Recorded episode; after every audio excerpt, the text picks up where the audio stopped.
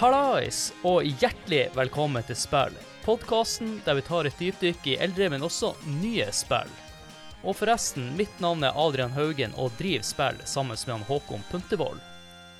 Og i denne episoden skal vi snakke om et indiespill som brukte litt tid, og ikke minst hadde litt flaks før det endelig gikk viralt. Og grunnen til at vi ønsker å snakke om dette spillet, er jo fordi at vi, uh, dette spillet hadde en veldig stor innvirkning på spilldiscorden som den er i dag. Og spillet har bidratt til nye bekjentskaper i en tid hvor koronaviruset herjer som verst. Og vi måtte finne nye veier på å være sosial under lockdown. Og da, Håkon, hjertelig velkommen til deg. Jo, takk for det. Og det stemmer jo så på en prikk det du sier der, at det er jo innvirkningen at det spillet her har vært for, som du sier, spilldiscorden har jo vært enorm. Ja, time på time på time med løgn og eh, bare moro. Det som er litt morsomt, jeg nevnte jo akkurat at uh, det tok litt tid før Among us gikk viralt. Jeg sa vel kanskje ikke at du skulle snakke om Among us. Men samtidig som Among us gikk, begynte å gå viralt, så vil jeg også si at spilldiscorden begynte å gå viralt. Mm. Og de vi skal ha med oss i dag, kom vel innom Discord pga.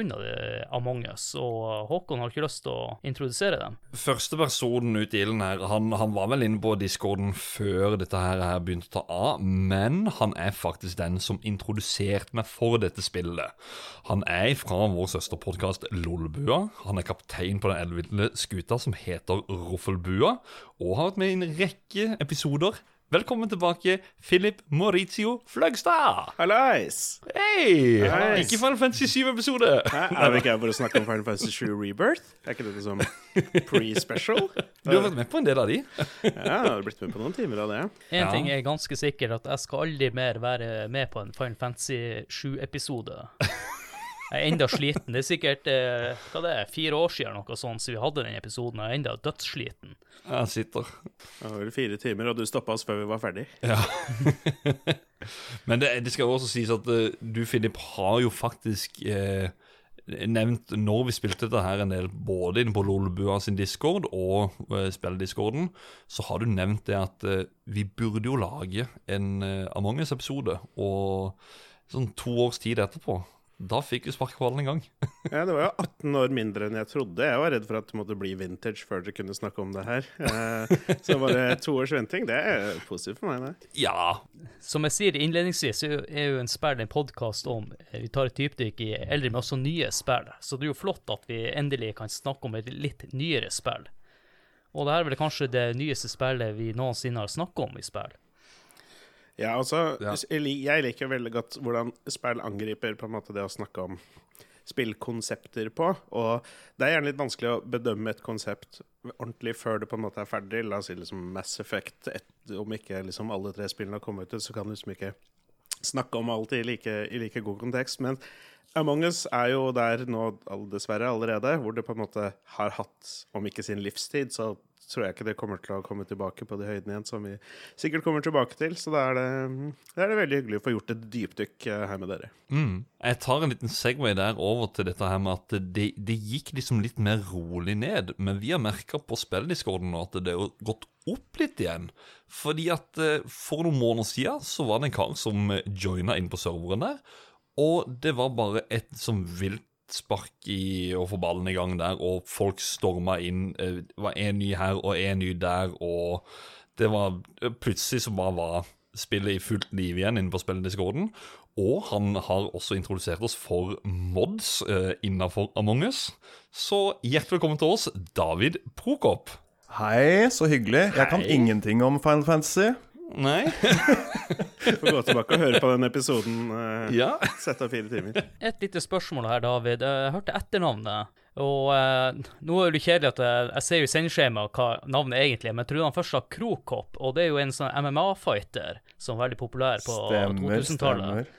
Så jeg begynte å lure på, er du i slekt med han? Men det er du ikke. Du, Så vidt jeg veit, så er vel han eh, fra Kroatia. Jeg har ja. nok, uh, Mine foreldre er nok fra Polen, så så vidt jeg veit, så er vi ikke slekt. Men det hadde vært kult å skryte på seg, det må jeg si.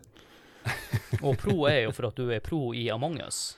Eh, selvfølgelig. Det regner med mamma og pappa tenkte på hele veien når de eh, Ikke nødvendigvis valgte etter navnet, men hadde det i hvert fall. He's gonna be a pro. Det yes. som også er kult, er jo at, uh, som han uh, Philip nevnte her, at han følte uh, at Among us er på en dalende kurve, noe som er jo naturlig med tanke på koronaen over og litt sånne ting. Men du har jo klart å få Among us på en høydere igjen her inne på spilldiscorden, fordi at du har innført noen mods som jeg har skjønt er blitt veldig populært. Ja, jeg er jo enig med Philip når han sier at det har en litt dalende kurve, men jeg tror det er mest på grunn av at det var veldig ensformig etter hvert. Men da modsa kom inn, så ble det litt liten revolusjon innafor Among us, for da var det så mange varianter av forskjellige roller som skjedde, og da var det plutselig ikke bare det å eh, drive med task som crewmate som gjaldt. Da var det plutselig mange variabler som eh, spilt inn. Og Det, det testa jeg. Det skal sies jeg hadde vel en fire-fem halvliter innabords før det, og var med på eh, eh en av disse her eh, Towns That Made Us, er ikke det? Nei? Town of Us heter Town moden. Us, ja, du var inne på stemmer. den. Og, og, og eh, jeg, jeg, skjønte det, det, var veldig mange roller, og det var, det var en hel wiki-page å, å, bla igjennom for alle disse rollene man fikk da. og sånne ting. Så det, det er blitt mer enn bare en lille Among us som var på en liten map. og det er jo veldig overveldende for uh, en som prøver det for første gang. Det å se alle de rollene og begynne å, begynne å lese på hva jeg skal gjøre for noe, hva bruker jeg denne knappen til som plutselig kommer opp som jeg aldri har sett før. Så mm. det enkleste er jo egentlig å tenke at Enten så er du crewmate imposter, og så tar du det derfra. Men uh, det er mye å sette seg inn i, uten tvil. Vi kan sikkert gå litt nærmere inn på det litt senere, men det viktigste som vi bruker å spørre om før du går til hovedspalten, er jo hvordan uh, oppdaga dere spillet? Og uh, jeg har litt lyst til å høre med deg, Philip, siden du introduserte han Håkon fra Among us. Hvordan uh, oppdaga du det her spillet? Jeg er jo en sånn internettfyr, holdt jeg på å si. Jeg ser mye på Twitch og YouTube og sånne ting som liksom og følger noen personligheter der. Eh, og det var jo ikke Det var jo egentlig helt umulig å liksom se på Twitch uten å få med seg konseptet av us på, i midten av 2020. Um, det var vel i juni-juli at Soda Pop-In plukka det opp først, og så ble det liksom en stor greie etter et par uker. Og så Uh, og så så det gøy ut. Og så har jeg liksom noen andre communities som også er litt på den samme viben. Altså. Og vi har spilt mange av disse spillene før. Uh, det, er jo liksom basert på liksom mafiakonseptet. Og så har det vært en del av disse spillene uh, som vi har testa og likt. Project Winter kanskje spesielt. Um, men dette her var jo noe Det var presentert på en mye enklere eh, pick up and play-måte, som gjorde at det var lettere å bare samle folk. Det trenger jo ikke noe hardware eller noe sånt for å spilles, liksom. Og så satte vi i gang og, og spilte det i det community, og så hadde jeg det kjempegøy. Og så tenkte jeg at dette er det jo bare til å få med, få med flere mennesker på. Og, mm. eh, som vi sikkert kommer tilbake til, det er jo ikke bare liksom et mekanisk spill. Det er jo også et liksom, spill hvor du, du, legger, om ikke litt av personligheten din i spillestilen, men eh, Ja, ikke sant? Men eh, eh, det er jo på en måte det, det er litt det som også gjorde det populært, tror jeg. hvordan det var et utrolig gøy spill å se på, fordi det er kult å se din favorittstreamer interagere med andre store navn eh, i et sånt spill, på en måte. da, Om de liksom kjefter på hverandre, diskuterer, argumenterer osv. Det, det syns jeg er veldig gøy. Så det var litt sånn Å, det var kult å gjøre dette her med folk fra Lolbua, for det er liksom Ikke sant? Altså, mm. Så bare løse på deretter. Mm -hmm. mm. Enn du, David, kasta du også på Among us eh, rundt 2020? Det stemmer nok. Jeg var nok litt seinere i 2020, mer mot høsten, da jeg så Det var vel en gjeng streamere som uh, eh, samla seg sammen og spilte det. Og da var det jeg og en kompis som fant ut at oi, det hadde vært gøy å samle gjengen og bare prøve, for dette var jo veldig annerledes enn det vi er vant til å spille. Det var liksom Man skulle ikke ha på lyd på Discord, og man skulle kun prate i møter og som du sikkert kommer litt tilbake til. Så det var jo et veldig annerledes spill, men et spill som på en måte blei veldig populært på et veldig riktig tidspunkt. da.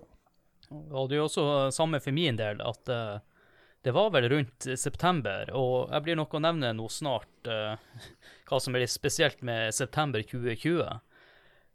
Det var Jeg husker ikke hvem Det var i hvert fall noen som masa på meg. Jeg er litt sånn Folk maser på meg for jeg skal teste ut noe. Jeg har jo ennå ikke testa ut moden til han David her, men det er vel på tide snart å kaste seg på det òg. Men det var vel rundt den tida, og det var også da han, det han Håkon nevnte med at det begynte å dukke opp mange nye mennesker inne på spilldiscorden. Og mange av de her har jo også vært med på eh, spillepisoder også i ettertid, inkludert nå han David der. Så det, det, var i hvert fall et veldig sosialt spill eh, for oss, og spesielt under korona, når man trengte å være litt sosial. Mm. Eh, hvordan vi, vi, etter hvert begynte å spille Among us, kan vi jo gå inn på litt senere i episoden. Men før den tid så har jeg litt lyst til å ta dere gjennom historien til Among us. Do it, you imposter you.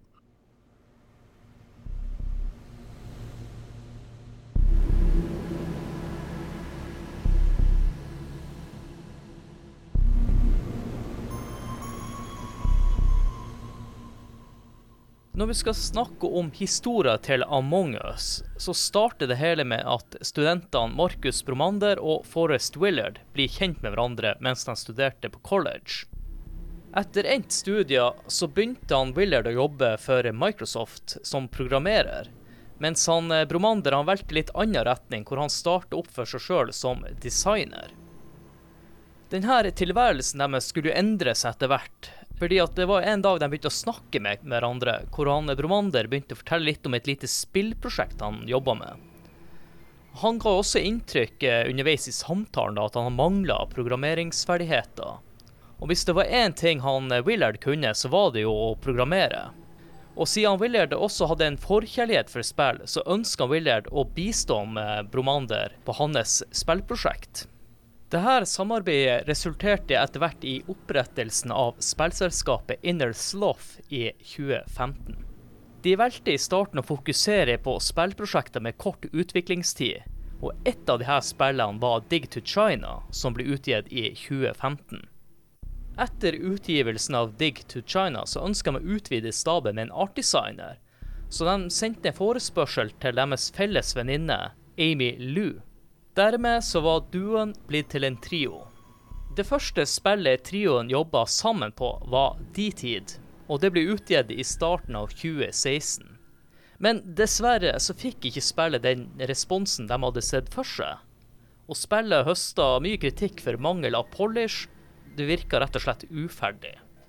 Denne mangel på suksess førte til at teamet sto plutselig ved et veiskille. Skulle de forbedre DT eller starte på et nytt prosjekt? Valget falt på det siste alternativet, men de ønsker også å videreføre noe av erfaringen de hadde fra DT. Og rundt denne samme perioden så hadde han Bromander latt seg inspirere av spillet Mafia. Spillet går ut på at du må gjette identiteten til de andre spillerne, for å finne ut hvem som har i oppgave med å vinne spillet. Og spilleren som har i oppgave å vinne spillet, må prøve å overbevise de andre om at det er noen andre som prøver å vinne. Han eh, Bromander han ønsker å innføre noen av de her spillemekanikkene til deres neste spillprosjekt, som da gikk under tittelen Space Mafia. Etter hvert så landa de på navnet Among us, siden det her passa bra med deres konsept, hvor en spiller skulle prøve å drepe sine medspillere, og uten å bli oppdaga i forsøket. Når det kom til å utvikle spillet, så ønska de å bruke spillemotoren Unity Game Engine, siden de allerede hadde brukt denne til å utvikle DT. Og alle animasjoner og artdesign ble gjort i Adobe Animate, som før het Adobe Flash. Når det kom til å teste spillet, så måtte de ha hjelp eh, av venner for spilltesting. Og når spilltestinga foregikk, så var de normalt rundt syv-åtte stykker. Og under hver test så opplevde de faktisk at spillet krasja jevnlig, og de brukte lang tid på å utrette de her problemene. Among us ble sluppet ut i open beta-versjon juni 2018 på IOS og Android. Det var bare en liten ting. De hadde ikke testa spillet med maks antall spillere, som da var ti stykk. Det er viktig å påpeke at beta-versjonen støtta kun lokal multiplayer, og alt av samtaler foregikk via chat. Og Grunnen til dette var at spillet hadde ingen lyd. Og det var fordi at spillerne ikke skulle vite hva de andre drev på med under hver runde. Det tok ikke lange tida etter beta-releasen at de mottok ønsker om online-støtta multiplayer. Så i august 2018 ble online multiplayer implementert i betaen. Et annet resultat av implementering av online multiplayer var at Ambromander tilførte lydeffekter til spillet. Og mange av de her lydsporene som ble valgt, var gamle lydopptakene Bromander hadde laga opp gjennom årene. Den 16.11.2018 så blir Among us sluppet ut på Steam, og Inner Slot anså nå spillet som ute av beta-statusen. Spillet gjorde det veldig bra i Sør-Korea, som utgjorde 50% av spillerbasen, noe de fortsatt gjør den dag i dag. Etter hvert som spillerne strømma til, så skapte det her store serverproblemer. Og Innersloft brukte i starten Amazon sin gratis servertjeneste for å spare penger. Og baksiden med det her var at de måtte konstant jobbe med de her serverproblemene, som utspant seg hele tida. Og når det kom til selve businessen, så gikk Innersloft så vidt med overskudd. Og det her medførte at teamet ønska å fortsette på nye prosjekter. Og siden trioen hadde lagt av en del penger gjennom årenes løp, så valgte de å holde ut litt til med prosjektet. Og Årsaken til dette valget var faktisk den store pågangen fra de brasilianske spillerne. Og når de akkurat var i ferd med å kaste inn håndkleet i 2019, så skulle skjebnen slå til. For youtuberen Godnote begynte å streame spillet, etter anbefalinger fra seerne sine om å sjekke det ut. Så etter denne hendelsen så begynte Among us å gå viralt. Og i utgangen av mai hadde Among us nådd én million nedlastinger. Denne suksessen gjorde at Inner Sloth valgte å lage skins og to nye maps, som ble utgitt i utgangen av 2019. Og i starten av 2020 så uttalte selskapet at de ikke kom til å utvikle noe mer innhold til Among us, og anså spillet som ferdig. Denne uttalelsen medførte jo naturlig nok at eh, det måtte jo bli en nedgang i aktive spillere. Men igjen skulle en streamer endre på det her. Han gikk under navnet Kaif og begynte å spille Among us sammen med noen venner. Og det her bidro jo til at de europeiske spillerne endelig fant veien til spillet. Noen andre som også hadde funnet veien til Among us, var Steam. Dette resulterte til slutt i en avtale mellom Inner Sloth og Steam og avtalen gikk ut på at spillet skulle være på salg i noen perioder i løpet av et år. Og det var Steams sommersalg i 2020 som gjorde at spillet virkelig tok av. For denne eksponeringa gjorde at større streamere fant veien til Among us, som Soda Poppin. Og derifra begynte snøballen å rulle videre, og Among us hadde nå blitt et skikkelig internettfenomen. Og september 2020 var en fantastisk måned for spillet. For når måneden starta, så hadde spillet 10 millioner downloads. Og i utgangen av samme måned så hadde de nådd 100 millioner downloads. Og så velger jeg å tro at koronasituasjonen også hjalp en god del, siden spillet er veldig sosialt. Og da lurer jeg på, er det noe jeg fortalte dere nå som var nytt for dere, eller er det noe dere har lyst til å komme med? Du, jeg er nødt til å si Altså, det som er vittig er jo å høre det at de på en måte uh, har, har, har, egentlig valgt å så OK, uh, vi, vi, gidder ikke, og så Nei, jo, vi tar det til. Og så Oi, nå, nå traff det. Altså, uh, vi gidder ikke også utvikle mer ting til det. oi! Det, det, vi kan ikke gjøre det. det liksom, de, de, har blitt hindra i å stoppe hele tida, på en måte. Ja, Så var det en skikkelig dårlig idé òg å fortsette å lage ting. Det var jo ikke noe Det var litt artig du nevnte at halvparten av spillerne i starten var sørkoreanske. Det hadde vel 30-50 spillere i gjennomsnitt i første liksom, tida etter at en beta-versjon kom ut. Og det er liksom Det var ingen som spilte det. Det var ingen hype rundt det. Og de fortsatte å liksom Ja, vi lager litt mer maps, kanskje, og sånne ting. Og så ja. var det liksom eh, De hadde en annen spillserie, Henry Stickman, et eller annet. Så liksom genererte litt penger, men uh, mm. som de bare burde fokusert på isteden. Men de hadde vel en liten forkjærlighet for Ridderslott, da, og, eller for Among us og den lille hardcore fanbasen. Altså, lønte seg, det. Mm. Jeg lurer på hva de tenkte, og hvor deilig de tilfeldighetene var. At de egentlig hadde lagt de videre planer for det spillet på hylla og bare tenkte dette her er vi ferdig med. Og så begynte snøballen å rulle, som Adrian sa, og det bare tok helt av. ja. Greia også, som jeg nevnte innledningsvis, at de ønsker i utgangspunktet å ikke bruke lang tid på de spillene de lagde. Mm. Og eh, som også nevnte, at de anså seg som ferdige. Det var jo at de ønska egentlig gå videre på et annet spillprosjekt og kanskje følte seg klar for det og var litt sånn eh, hva skal jeg si, litt lei av å holde på med Among us. Og så går det jo viralt, og så må du tvinge deg sjøl til at jeg har egentlig lyst til å drive på noe annet, men vi må bare sette i gang her. Så eh, vi som spillere, vi har vel halt ut uh, de andre prosjektene vi har tenkt å starte med, som er jo kraftig forsinka. Hvis de har venta siden 2018 og til nå, og i tillegg måtte ha ansatt masse nye personer. Ja, og det verste er at de fleste de ansatte har det sikkert har sikkert for det meste jobba med liksom, å få bukt med problemer som kom av at det var så sjukt mange flere som ville spille det. Fordi når dette ble kjempepopulært, så var alle tre kartene de var jo ute. Og som du sa, de så seg litt ferdig med spillet. Og så plutselig var det sjukt mye folk som spilte. Og så må de liksom sørge for at alle de kan spille uh, på en grei måte med serveropplegg og sånne ting, som jo de hadde sine problemer med.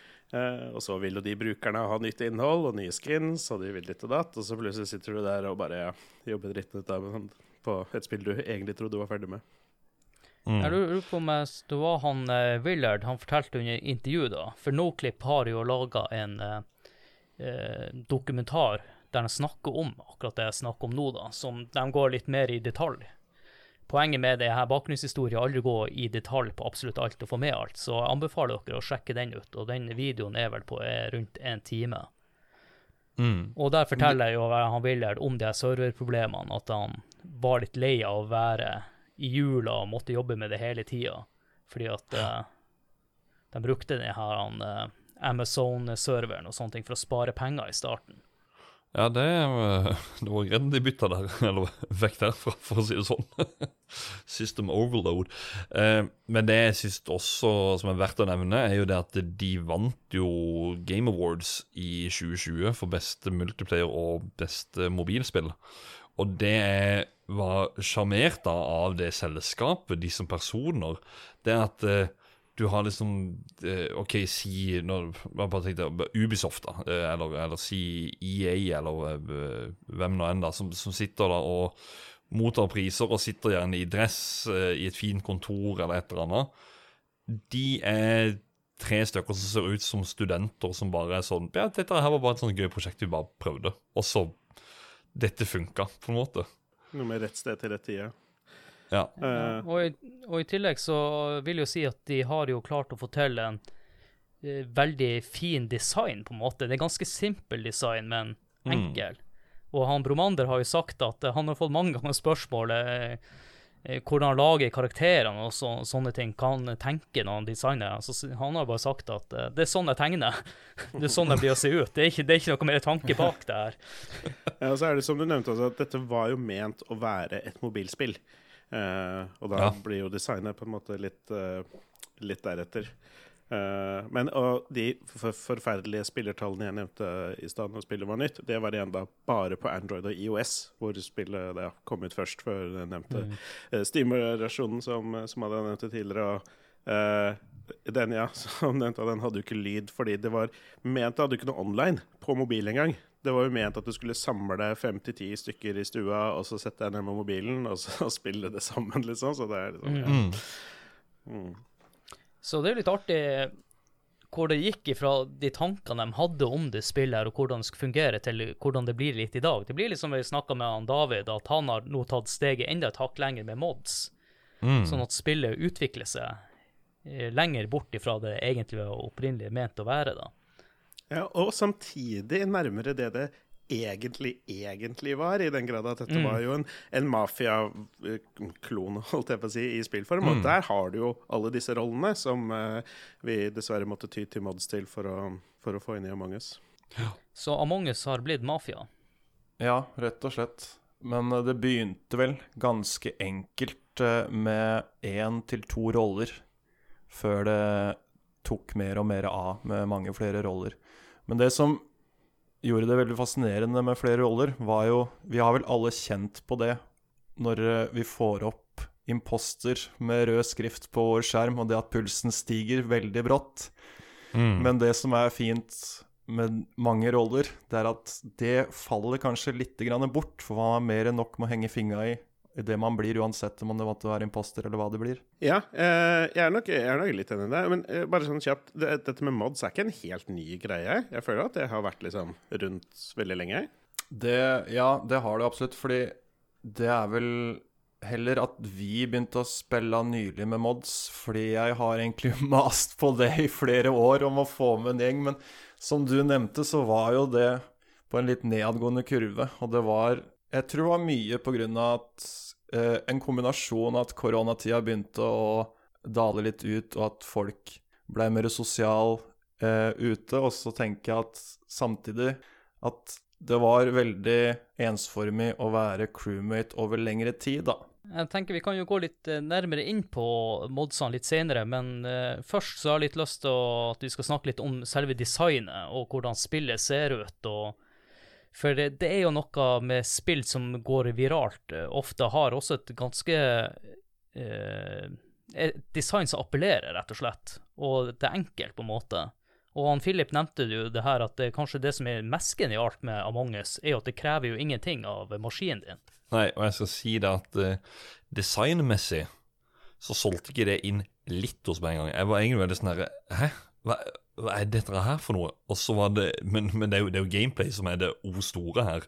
Men, men så er det blitt så ikonisk at det er liksom litt en Det, er- det er så rart å Når jeg går sammen med kidsa, og så vil inn på en leketøysbutikk, og så Og oi, der ligger det bare sånn drøss av Among us-bamser i, i diverse sånn kostymer og sånt. Det er sånn derre Ja, det, det er liksom Det er et enkelt og genialt design på mange måter. Jeg, jeg liker jo at de har klart å få det her til å virke som et slags barnespill, for du spiller jo på mekanikker som er eh, kanskje ikke så veldig bra. En ting er at du skal drepe, men eh, det som kanskje ikke er bra i hele tatt, og du skal sitte og lyge. Nei. Det er akkurat det. Og du, du kan jo tenke deg hvor mange unge, både barn og ungdom, som har kjøpt figurer, som Håkon sier, og uten å ha spilt spillet. Fordi figurene appellerer til dem, og de syns de er morsomme. Så de har jo Jeg tror nesten de har tjent mer penger på det enn sjølve spillet noen ganger. For spillet i seg sjøl er, er jo ikke akkurat så dyrt. Nei. Jeg må også legge til en sånn, selv om det, det har ikke med design å gjøre, eller litt, da, at det kan appellere til, til barn òg. Når jeg leverer guttungen i barnehagen, så måtte jeg gå inn på andre sida av barnehagen, gå gjennom den eldste avdelinga. Så ser jeg rundt og bare Hæ? Ja, men dette her er jo lapper av tasks i Among us. Så de eldste avdelinga i barnehagen, de har lekt Among us. Og så er jeg bare sånn herre eh, Åssen har det gått seg til, egentlig? Det, men det, det, det Det, tenker jeg sånn umiddelbart er sånn Det maker ikke noe sens, tenker jeg. Fordi, eh, fordi eh, når man er i barnehagealder, så er man jo ikke gammel nok til å spille mange og få noe ut av det. Og så tenker jeg sånn Sånn som alle digga Pikachu og sånn i barnehagen, sikkert, på et eller annet tidspunkt. Og så eh, tenker jeg typ, var jo ingen av de som samla alle Pokémon i verken Red eller Blue heller, liksom. Nei, nei, nei. Det er kanskje ikke et krav at man spiller spillet, liksom, egentlig. Det det er sier oppgaveløsningene som, som var der, for det er jo noe genialt med det, da. Uh, men ja, nei, jeg, jeg, jeg måtte bare si det når vi snakka om dette her med kids og, og Among us. At eh, ja, det har til og med funnet veien i barnehagen til guttungen. En annen ting som er litt lurt å få med, der, er, der er, må vi ta kritikk, Håkon. Der er vi veldig dårlige i spill. Det er egentlig å forklare hva er det spillet vi skal snakke om for de som aldri har spilt spillet før. Så jeg tenker jo, eh, Philip, du kan jo få lov til å fortelle litt om de forskjellige rollene, da. Imposter og crewmate, Ja, hvis for de som noen eh, noensinne har vært borti spill som Mafia, som har vært rundt siden 80-tallet eller noe sånt nå, eller innom The Wolf Among Us eller lignende spill som har vært ganske populære, så er det en eh, greie hvor du er x antall spillere, og så er det noen som er ute etter å sabotere resten. Eh, det er, de er åpenbart i mindretall, og ingen vet hvem som er hvem, og så handler det da om å enten unnagjøre det man eh, hvis, hvis du er snill, så vil du egentlig bare finne ut hvem morderen er, og sørge for at de ikke vinner.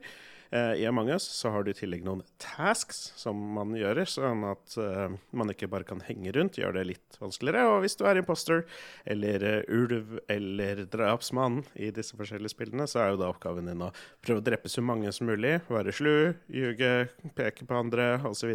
for å Alt for å få mistanken vekk fra deg selv. Mm. Det er, et, det er jo et social deduction game, eh, som er Jeg vet ikke hva det heter på norsk, men den type spill er jeg generelt veldig glad i. sånn Spill med Resistance, Secret Hitler, Battles of Galactica, brettspill og sånne ting. Som alt handler om å ha hemmelige, hemmelige agendaer. Og prøve å utrette de uten at noen skjønner det. Mm. Og som crewmate så har du jo også en del oppgaver du må gjennomføre. Og David, er det noen, hvordan, er det noen uh, oppgaver du liker, og er det noen du hater? Du, jeg har alltid fått tyn for at jeg er så dårlig på å gjøre oppgaver, men sånn i seinere tid så syns jeg egentlig det er veldig kos. Det er, eh, det er, jo visse oppgaver som du må bare trykke på en download-knapp og vente på at fila blir ferdig med å laste ned, så, som kanskje ikke er det, det, aller morsomste. Men uh, du skyter noen asteroider, da. Så det er jo liksom Det er jo noen minigames inni spillet på en måte som blir en oppgave som er litt mer fascinerende enn andre. Det er det absolutt. Og for det meste så mm. handler jo de oppgavene om å, at du skal bruke tid på ting. Det er liksom ikke mekanisk vanskelige ting å gjøre for det meste. Det er liksom Sveipe det kortet er jo helt umulig, selvfølgelig, men uh, utover det, så ja, også, også få tankene til å fokusere på noe annet, at du ikke bare hele tida går og mistenker folk. Ja, og så, så, så, har man jo en grunn til å gå rundt på kartet, som igjen liksom, ja. det er det som gjør at det er et spill. Også, I tillegg til at hvis du ikke har disse oppgavene som eh, gjøres på tid, som du må få gjort ferdig, så er det veldig mye vanskeligere for morderen, da, på en måte, hvis alle bare henger rundt. Mm. Enn du, Philip, du som eh, liker å metagame i det spillet her, eh, er det noen favoritt-tasks og noen tasks du ikke liker like godt? Nei det er jo liksom, jeg vet ikke, Når jeg tenker over det, så er det liksom alt nede i høyre hjørne på Polus og sånne ting. Men det har ikke så mye med tasken å gjøre. Det er mer sånn hvor det er, hvor enkelt det er å komme seg fram og tilbake, og hvor enkelt det er å, uh, å overvåke de som eventuelt uh, stikker dit. Uh, ja, nei, altså, ja, Det har mer med plassering på kartet og den, hvordan det påvirker liksom, taktikken og sånt, som, som eventuelt har noe med det å gjøre. Mm. Er du Håkon? Det er jo en sånn god blanding. Det er jo disse, altså, du, du har de memory-greiene hvor du skal trykke liksom en samme rekkefølgen som Der du tror jeg du er dårlig. nei, nei, nei, jeg, jeg, jeg har ikke noe problem, men det tar så sykt lang tid. Så det er jo nervepirrende. For du tenker at shit, jeg bruker lang tid på denne tasken her når noen kommer rett rundt hjørnet. Men det verste er hvis det er noen som finner et lik eller noe, og du er midt inne i en sånn stor task, så er det bare Seriøst! Nå må jeg faktisk gå helt på andre siden av mappet. Jeg driter i hvem som er drept. Jeg driter i hvem det er. Jeg må faktisk gå helt på andre siden av mappet og trykke på den download-knappen igjen, og jeg må vente. Tusen takk. det er ja, morsomt du sier det med memory-greien, for i starten på Among us så var det sånn at uh, den ikke huska når du For den tar jo ganske lang tid, den. I hvert fall på skellet mm. her. Så i starten så var det sånn Daua noen, så måtte du gjøre alt på nytt, men nå husker den hvor du stoppa sist, så du slipper å gjøre alt på nytt. Ja, eh, Men downloads gjør den vel ikke. Der må du begynne på nytt, tror ja. jeg. Så, så, men Nå begynner jeg å savne ja, dette spillet skikkelig. For hvordan, det, ja, altså, det, hvordan, det som er morsomt, er når du sa det nå, så ble jeg sånn Å, for plutselig så ble det sånn der, eh, muscle memory. Eh, hvis jeg hører at Aupunte sier sånn Faen, jeg var ett sekund unna å få gjort ferdig den der 20 sekunders oppgaven nede i venstre hjørne på Paulus, så vet jeg at det er dit han går. Straka veien i første så fort han kan i begynnelsen av den første runde. Og da kan jeg gå ut til venstre for å vise at jeg skal dit, og så kan jeg bruke det hullet for å hoppe inn igjen, og så kan jeg drepe han på vei bort, og så tilbake. Og, så, liksom, ja. og det der jeg sliter med å være en poster, faktisk, for å snakke litt om disse rollene, eh, det er det at uh, uh, som imposter så, så Jeg går egentlig bare rundt som en gal og bare Hvis jeg blir uh, mistenkt for å være det, så er det sånn Nei, jeg er ikke det. det er ikke meg. Um, hva skal jeg si? det, det, liksom, det, stopper helt opp for meg, da. Så det er en dårlig imposter. Bare sånn til det er sagt. Det, det er så morsomt også at han Håkon, han Eller for å uh, det han Philip sa i stad, at det viser jo også litt personlighet i det spillet her. Ja. Og Håkon, når han blir beskyldt og sånn, så begynner han bare å rope og skrike som en tenåring til det. Ja, han klarer ikke å beherske seg. spesifikt av deg! Ja. Ja, d- det, dere hører da allerede episoden. Han begynner å fyre seg opp med en gang. Og det er, det er så morsomt. Og han blir så sint. Og noen ganger så har han faktisk sagt at uh, det her blir siste gamen. Han gidder ikke det her. Uh, Forbanna dritt. Så han Håkon, han lever seg ordentlig inn i det spillet her. Du, du har ragequit et par ganger, du òg. Men det skal, Eh. sies, det skal sies en gang, da. Det er at Philip som imposter eh, Olma, som, som er et av medlemmene inne på Discord, han eh, ja, han, han reporter et lik eller et eller annet, eh, sier bare sånn jeg, jeg, jeg, tror det er to sekunder hvor han får sagt at eh, Du, eh, Philip, hvor, hvorfor var du og så avbryter Philip med sånn derre Nei, fy faen, det der metagame-pisset, det kan du bare drite langt i. Nei, det var ikke det. Det var jo Han spurte han eh, etter rapporter, så spurte han Olmovi, som han heter på discoen vår. Du, Philip, hvordan farge var det på den nøkkelen? Og da sa han Philip, jeg orker ikke dette metagaminga lenger, så, så forlot han eh, Philip spillet. Og det tror jeg var siste Nei, gangen av Philip nei, nei, Nei, nei, nei. han Nei, nei, han, nei, nei, nei, nei, han, nei, han, forlot ikke spillet. Han sa Dere ødela jo en god historie nå. Det har vært, Ja, Nå tenkte jeg å fortelle at det var sist han sa, og alle spilte i lag med oss igjen. på. Nei, nei, nei for greia var at Philip sa at det er metagame-pisset, det gidder han ikke høre på. Og så, Da snakka ikke Olma noe mer. Da var det som ferdig. Ok, Så bom, så alle sammen vota ut Olma. Runda endte. Philip var imposter. Så det var liksom bare sånn der, Det var, det var en setting med det metagame-pisset, det gidder jeg ikke å høre på. bom! Alle trodde på Philip. Det, det bare snudde. Ja, for jeg, jeg husker det kanskje mer som at jeg ble kasta ut enn at jeg forlot det, for å si det sånn. Ja, Jeg liker at alle, nei, nei, alle deres var- deres var- historier er eh, litt grann forskjellige. Men altså, Among us har vel fått ut det verste ut av folk opptil flere ganger. Ja. Og hvor mange ganger har du ikke en, i hvert fall en liten plan om hva du skal gjøre som imposter?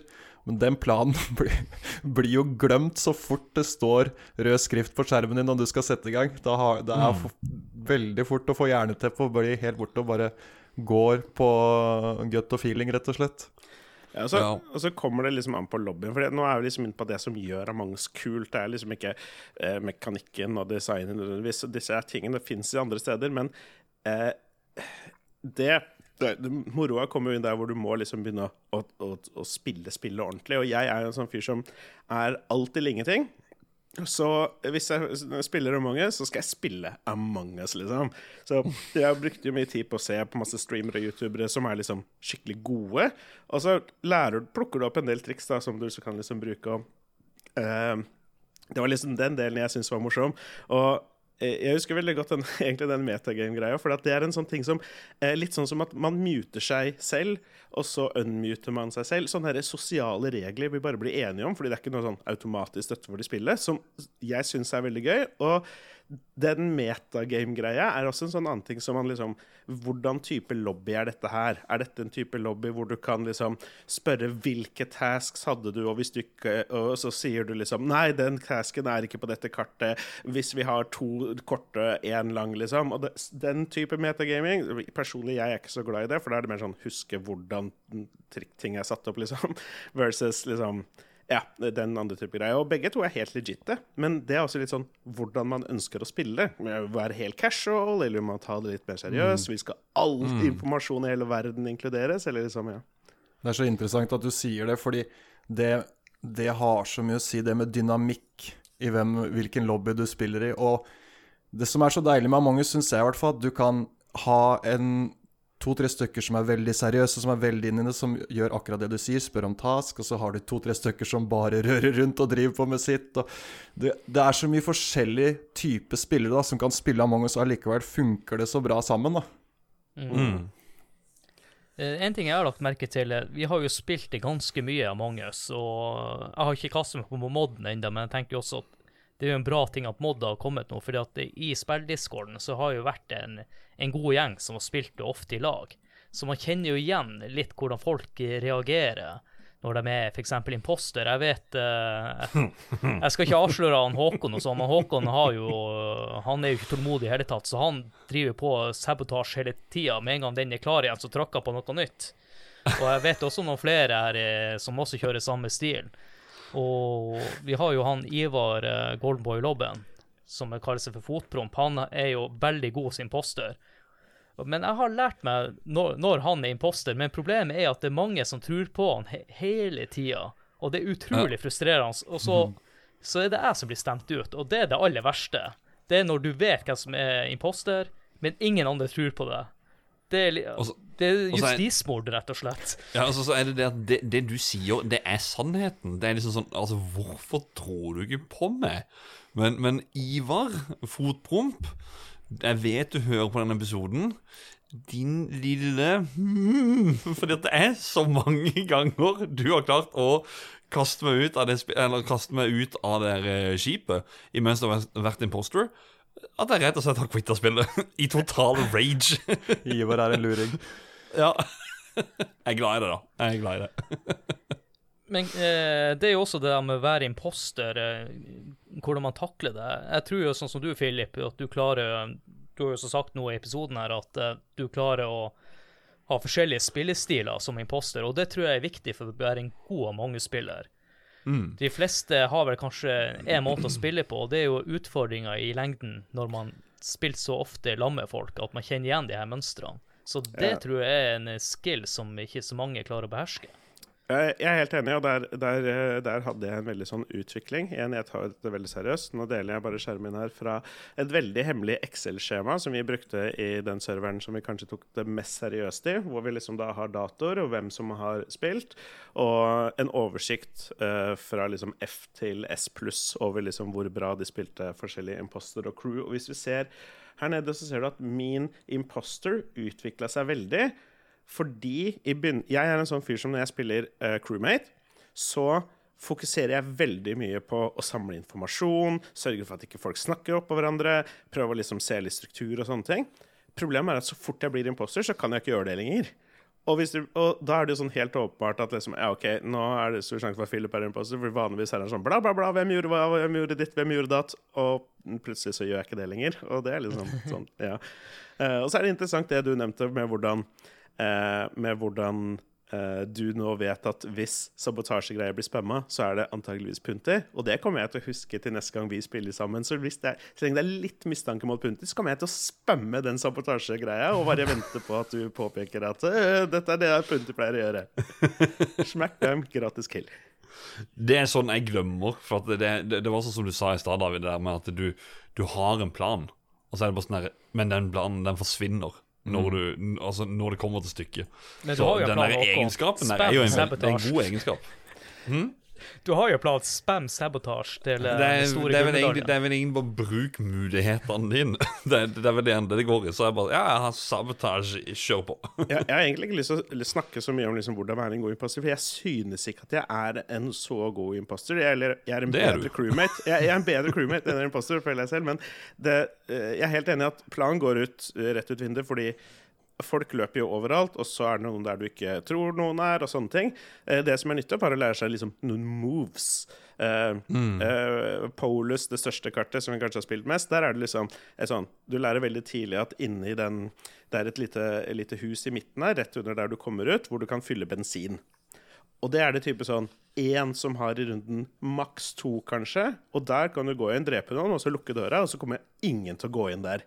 Og det er sånn Å ja, OK, det er sånn move du lærer. Og så liksom kan du på en måte stacke på det etter hvert. Og jeg har sånn fantastisk move på Polus. For du vet det er inne hvor du kan Du skrur av strømmen opp, opp mot venstre, og så må du alle gå inn der. Jeg har skrudd av strømmen, og så har jeg stått der inne og venta på at noen kommer. Og så dreper jeg de, og så løper jeg opp til det hullet som er rett der.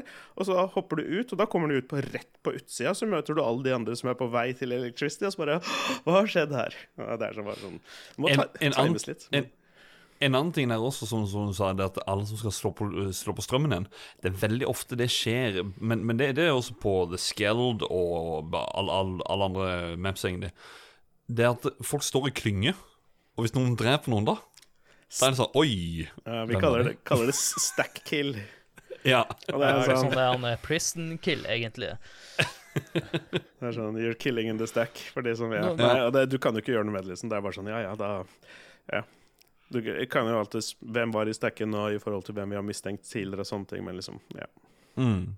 Når vi først har begynt å nevne litt maps, så tenker jeg vi skal gjøre litt mer oversiktlig for eh, lytterne. Og jeg tenkte vi kunne snakke litt om det første mappet som blir utgitt, som er kalt The Skeld. Og Skeld er jo et eh, ganske rart navn. Men eh, opprinnelig så var det tenkt å være ordet skjold på svensk, eller skold. Men pga. uttalelse så eh, ble det Skeld i stedet for. Så egentlig så heter mappet The Shield. Mm. Det her er jo det første mappet jeg tror jeg kanskje samtlige begynte å spille på. Og det er vel det mest kjente mappet når man ser folk spille. Og mappet i seg sjøl er vel kanskje forma som et åttetall. Jeg har ikke tenkt over det før, men når, når jeg tenker på det nå, så er det jo liksom åttetall. Så du, det er jo mange muligheter å møte på hverandre og stikke av. Hva dere Ja. synes om det her mappet, eller er, er det sånn at vi alle er lei det, for vi kan det så godt? Nei, jeg Det er min favoritt. Ja, nei, det, ja, ja, det, er, det er et fint map. Jeg foretrekker Polus men, uh, som mitt favorittmap, men Skell er uh, som vi kommer til, men Skell er kjempefint. Det er der man starter for det meste. Det er en mye mer sånn uh, straight forward-greie. Det er litt enklere å liksom skjønne de mekanikkene som skulle være der, både med sabotasje og, og, og andre ting. Um, det er en klassiker, liksom. Ja, det er et godt map. Det er eh, litt enklere, men det er fortsatt masse artige mekanikker å, å spille rundt. For dere som aldri har spilt spillet før, så vil jeg i hvert fall jeg anbefale å begynne med det her mappet. Mm, Ja. Helt enig. Nei, jeg er helt enig med deg at det er skill det er enklest å begynne på. Um, jeg var veldig fan av Skeld. Uh, jeg syns kanskje at Det er klart, når Polus kom, så jeg er nok sånn som Philip, at jeg blei også veldig fan av Polus, for du har et større område å å bite fra deg på, spesielt som imposter. Men uh, jeg syns Skeld er et balansert map for de som har tenkt eller har tenkt på å spille Among us, eller begynne med det. Syns jeg det er et fint sted å starte. Absolutt. Eh, Dere nevnte Polus, men før Polus så må vi ta snakke litt om Mira HQ. Og det her var det andre spillet som ble Eller andre mappet som ble introdusert og kom ut i 8. august 2019. Skal vi ikke gi et liten- pro-tip per map? Ja, vi kan ta det først for å ta Segwayen, da. I starten så, bare- er det alltid masse folk som løper mellom kafeteriaen og navigation gjennom weapons. Veldig fint sted å bare ta en tilfeldig en, og så er det fem stykker som har løpt gjennom der på de siste ti sekundene. Aha. Cut lightsen, det er fint. Det er Mhm. fi, veldig fin første sabotasje. Åh, nå har jeg lyst til å spille mange sier Hvorfor gjør dere det her mot meg? Ja, Vi håper at de som også hører på, blir mer og mer gira på å spille litt Among us igjen. Dere vet hvor det skjer? På spill-discorden. Yes, og neste map ut er jo Mira HQ, eh, som er det andre spillet som blir lansert og kom, blir sluppet ut i 8. august 2019. Og en liten fun fact her er at eh, mappet er hentet inspirasjon fra Cloud City fra Star Wars-universet. Og det var også på et tidspunkt tiltenkt å være en undervannsbase. Eh, hva dere synes om Mira? Det er dårligste mappet. Helt enig. Helt ærlig, jeg har spilt det to ganger. Vi fikk det ikke helt til. Vi bare så ikke helt poenget med det, og så det var det. Så jeg har faktisk ikke prøvd det ordentlig.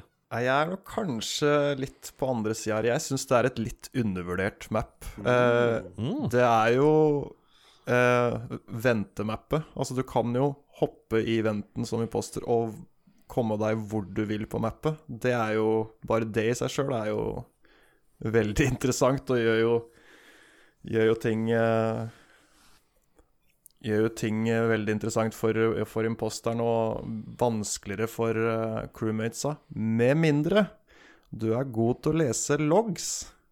For det er inne på et lite rom der, så kan du lese hvem som går forbi det krysset i midten på, på mappet. Hvem som går forbi de sensorene. Og da, Ah. hvis, hvis du er god på det, sånn som Philip sier, da, som er en god crewmate, f.eks., han ville nok kanskje stått der og lest, uh, lest hvem som går forbi de sensorene, hvem som ikke gjør det. Og da får du jo fort litt svar på hvem som driver flyr rundt i venstre på mappet, da. Men jeg, jeg syns jo mappet er det er, ikke det, det er ikke det beste mappet, men jeg syns fortsatt det er litt undervurdert. For jeg, jeg liker det godt. Det er så Det er så annerledes enn de andre, da. Ja. Ja, jeg, jeg kjøper det egentlig, David. Det, jeg, det er, jeg syns fortsatt at det er nok det er det dårligste mappet, men det er nok litt undervurdert. Det er ikke så liksom, mye dårligere enn de andre. Det har en del artige mekanikker, og eh, som liksom det eventuelle pro-tip Ja, det være direkte kobla til det at liksom du kan hoppes utrolig langt med disse med disse eventsene at du må ha en veldig god forklaring på hvorfor du er plutselig her nede og plutselig der oppe. Eller liksom Yep.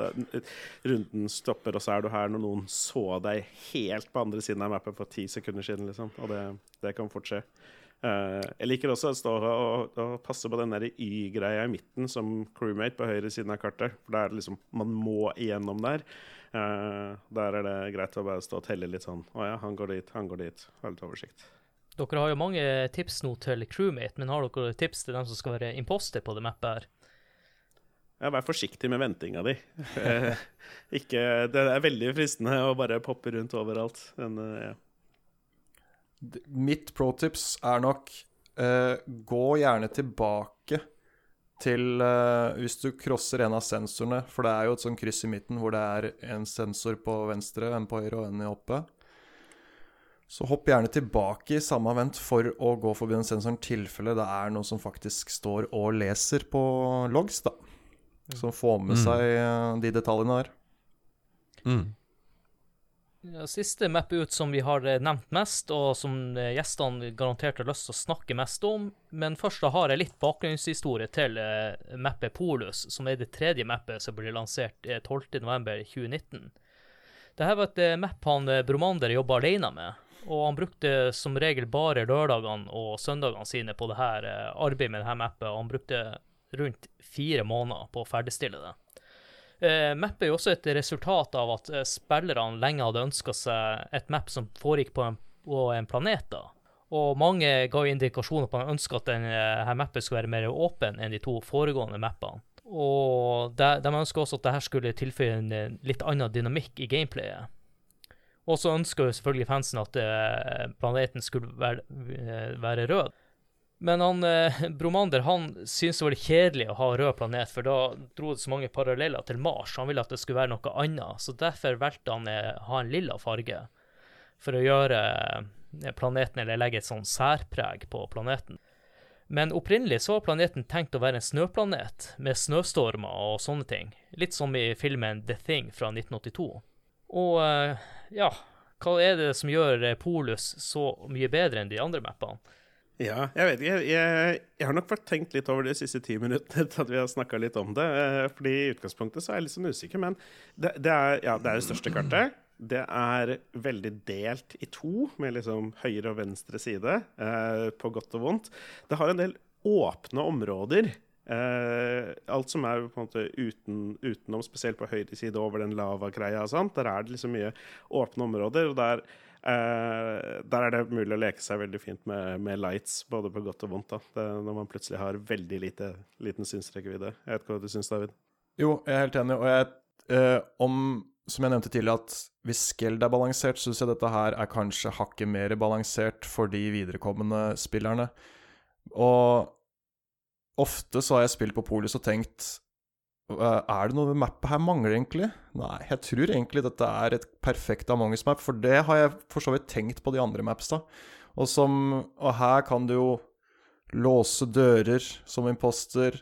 Du kan Det er jo alle slags uh, sabotasjer som er mulig, og Nei, det er, et, det er noe sånn sjarmerende ved det mappet som jeg ikke har fått helt sagt, uh, sagt ordet på, liksom. Men jeg syns det er sånn perfekt Among us-map, da.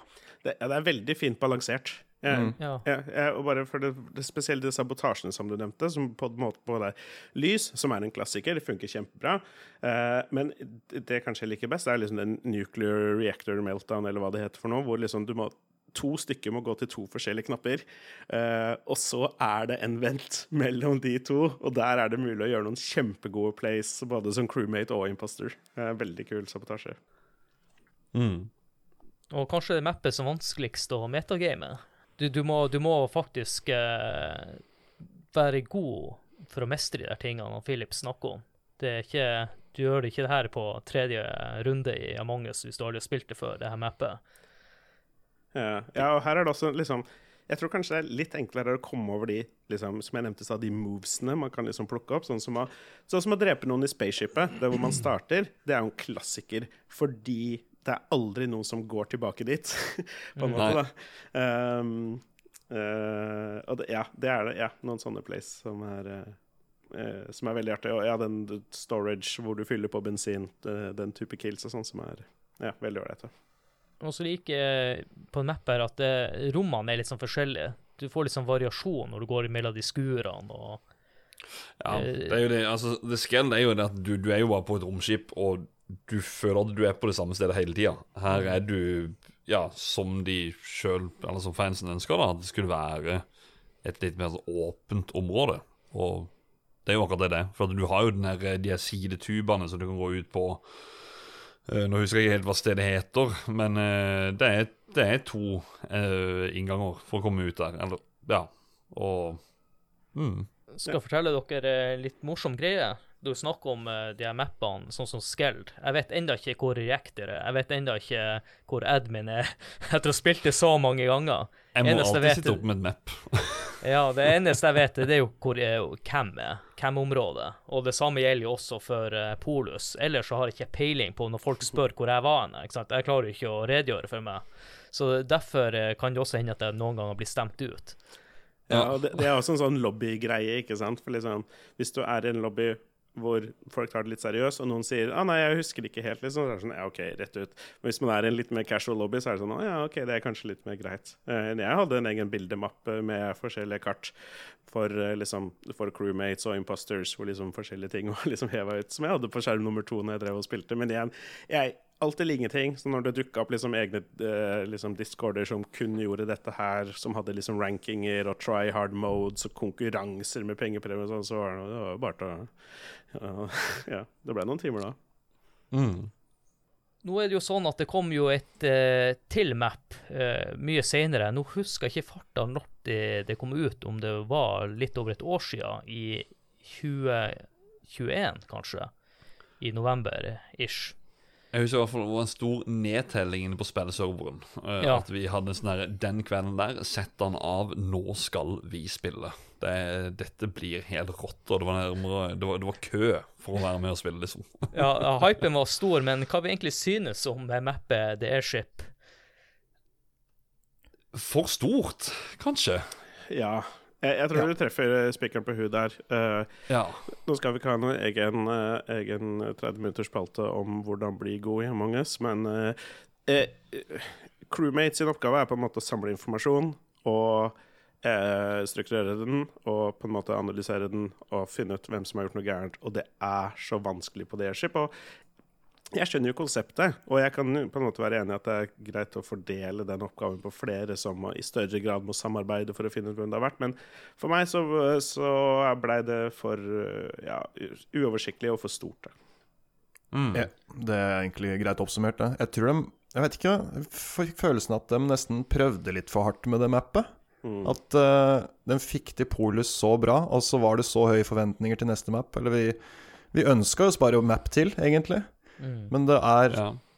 Det var for stort, for uoversiktlig, for mye greier, rett og slett. Det var liksom sånn Det var jo noen kule detaljer, absolutt, men ja, nei, det var, eh, det var et mareritt for crewmates. Mm. Ja, det var plutselig sånn svært sånn der, eh, jeg håper å si, museumsrom, og så plutselig var det på et kjøkken, og så plutselig er du på et treningssenter, og så er det jo eh, ved noen biljardbord, og så med en drøss av toalett, og så det, det er sånn der eh, Jeg vet ikke. Ja, det ble for stort, rett og slett. Ja, Det, ut, Utfordringen min er også at det var ikke så mange snarveier, som tok langt, lang tid å komme seg fra A til Å. Du hadde en Mm. liten heis eller sånn der en gangbru imellom som måtte stå og vente på, men ellers så tok det jævla lang tid. Og spillere sånn som Håkon, som har liten tålmodighet, så, så hadde han ikke, han hadde ikke tålmodighet nok til å gå fra A til Å. Så det er jo et map vi som regel ikke spiller på uh, spilldiscord når vi spiller Among us. Nei, jeg tror nok David eh, sa det helt riktig, at det er, det er jeg, Konseptet er fint, det. Det er helt ålreit og sånne ting, bla, bla, bla. Men jeg tror de hadde for mange ideer på blokka som skulle med alt sammen. Det er liksom OK, hva med hvis vi har et, liksom, en gangbru som du må så vente på, så går fram og tilbake? OK, det er et kult konsept, liksom. Det kan man spille rundt og sånn. OK, det make sense. Og så la oss si at vi har sånne toaletter, båser, sånn man må åpne én og én dør, så kan du gjemme noe der inne og sånt. OK, det virker kult, og det er OK. Oppå veggen, liksom. Og så når de bare skulle lage mappen, så bare Kan vi ikke bare ta med alt, da? Mm. ja. Men det er vel også litt resultat av det at de faktisk gikk så sky high med hele spillet og alt sammen, at det tok så av. At det Jeg vet ikke. Eh, de tok det jo kanskje litt sånn mer step by step. Sånn ja, OK, nå, nå tar vi det litt mer rolig. Ja, OK, ja, vi legger til dette her, og så funker det hele tida. Men her bare går de full rocket og bare kjører på, og så Nei, det enkle er kanskje ofte det beste. Ja, Nedi Electric så er det en labyrint av forskjellige greier. Ja. Nei, jeg, jeg ble minnet på Ja, nå hvor ja, utrolig forferdelig det var å være crewmate på det kartet. Ja, du har helt rett. Jeg, jeg husker ikke helt hvor mye det grøsser rundt ryggen. Det er så svært! Du, du tre dauer hver runde, og da har du ikke sett to av de, liksom. Og så bare sånn, ja, jeg så han ene, liksom, I guess. Nei, ja. Men kjapt spørsmål nå, Philip. Nå så, sånn som du forklarte det mappet nå, er det egentlig dårligere enn Mira HQ? Eller? Jeg, jeg tror ja, jeg vil heller spille Mirror HQ. Ja. Jeg, jeg tror det her er det dårligste. ja, faktisk. Vi har jo nevnt uh, hvordan eh, man bør spille eh, Among us på forskjellige maps og sånne ting, men hvordan liker vi å spille Among us? Uh, Håkon, har du lyst til å ta igjen da hvordan uh, vi på spilldiscorden spiller Among us? For det var litt hell i uhell. Ja, jeg tenkte egentlig at du kan nesten ta den, for jeg var ikke der den kvelden. Okay. Nei, men det har noe med at vi spiller med webkamera. Men ja, du kan få ta den sjøl, rett og slett. Det har noe med ett medlem av, eh, av serveren der å gjøre. Det har seg sånn at I starten så gjorde vi kanskje som de aller fleste spiller Among us nå, at man spiller over Discord. Og mute hverandre når vi er in game, og så fjerner vi muten når vi skal eh, snakke i eh, meeting room. Men denne kvelden eh, så gikk det litt over stokk og stein, for vi bruker av til å ta en øl samtidig som vi spiller. Der han ene hadde kanskje gått ifra øla til litt sterkere saker. Og jeg vet ikke hvordan det endte opp, men han Sja på discorden vår Han skrudde plutselig på webkameraet og satt der i bar overkropp mens han eh, drakk noe blankt. Eh, det var så god stemning da at vi var flere plutselig som heiv oss på den bølgen der. Der vi Tok av. T-skjorta, Ja, begynte å drikke noe blankt. Ja, ikke noe Rett blankt fra av det, flaska. men, men det, det, var, det ble bare så god stemning, og eh, etter den gangen så har vi spilt eh, med webkamera, og eh, jeg kan betrygge dere som ikke har spilt med oss uh, Among us før, vi sitter ikke i bar overkropp hver gang, men vi har på webkamera for at uh, det gir en ekstra dimensjon, spesielt i meeting når du skal diskutere med hverandre, for da kan du også se på personen, er det du eller ikke, og hvordan de reagerer. Mm. Nå er det bare bare overkropp annenhver gang. Ja. Ja, e- etter 02.00. Men uh, men jeg, jeg husker veldig godt når det ble eh, For jeg, nå har jeg gjort det noen andre steder også, hvor det Første runden, alle med webkamera, og så begynner vi å spille, og så er det sånn én eller to som skjønner det. Og så går det et par runder til, så er det kanskje et par til, og så er det kanskje noen som sier ifra, fordi når runden starter og du er imposter, så lyser du opp rødt i hele skjermen din, og så plutselig er man dekka i Og bare OK. Greia Ja. er jo da å holde for webkamera, Ja, så ja, at det ikke vises. Ja. Nei, men det, det, det ble en greie, rett og slett. Og, og eh, det, det er også litt sånn der eh, andre servere har vært inne på før og spilt av Magnus, og så er det litt sånn der eh, Så har jeg spurt Hvem webkamera. Hæ? Ja, hvorfor skal vi ha på det? Jeg bare Å Å ja. Det, det er jeg så vant med nå. Rett og slett.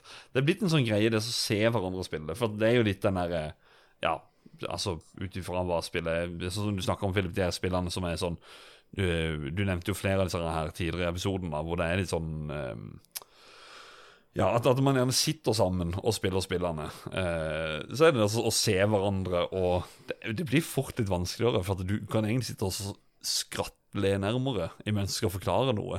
Men eh, for at du, du, altså, du lyver så det renner av det. Så kan du jo Ja, så det blir litt hardere å forklare, da.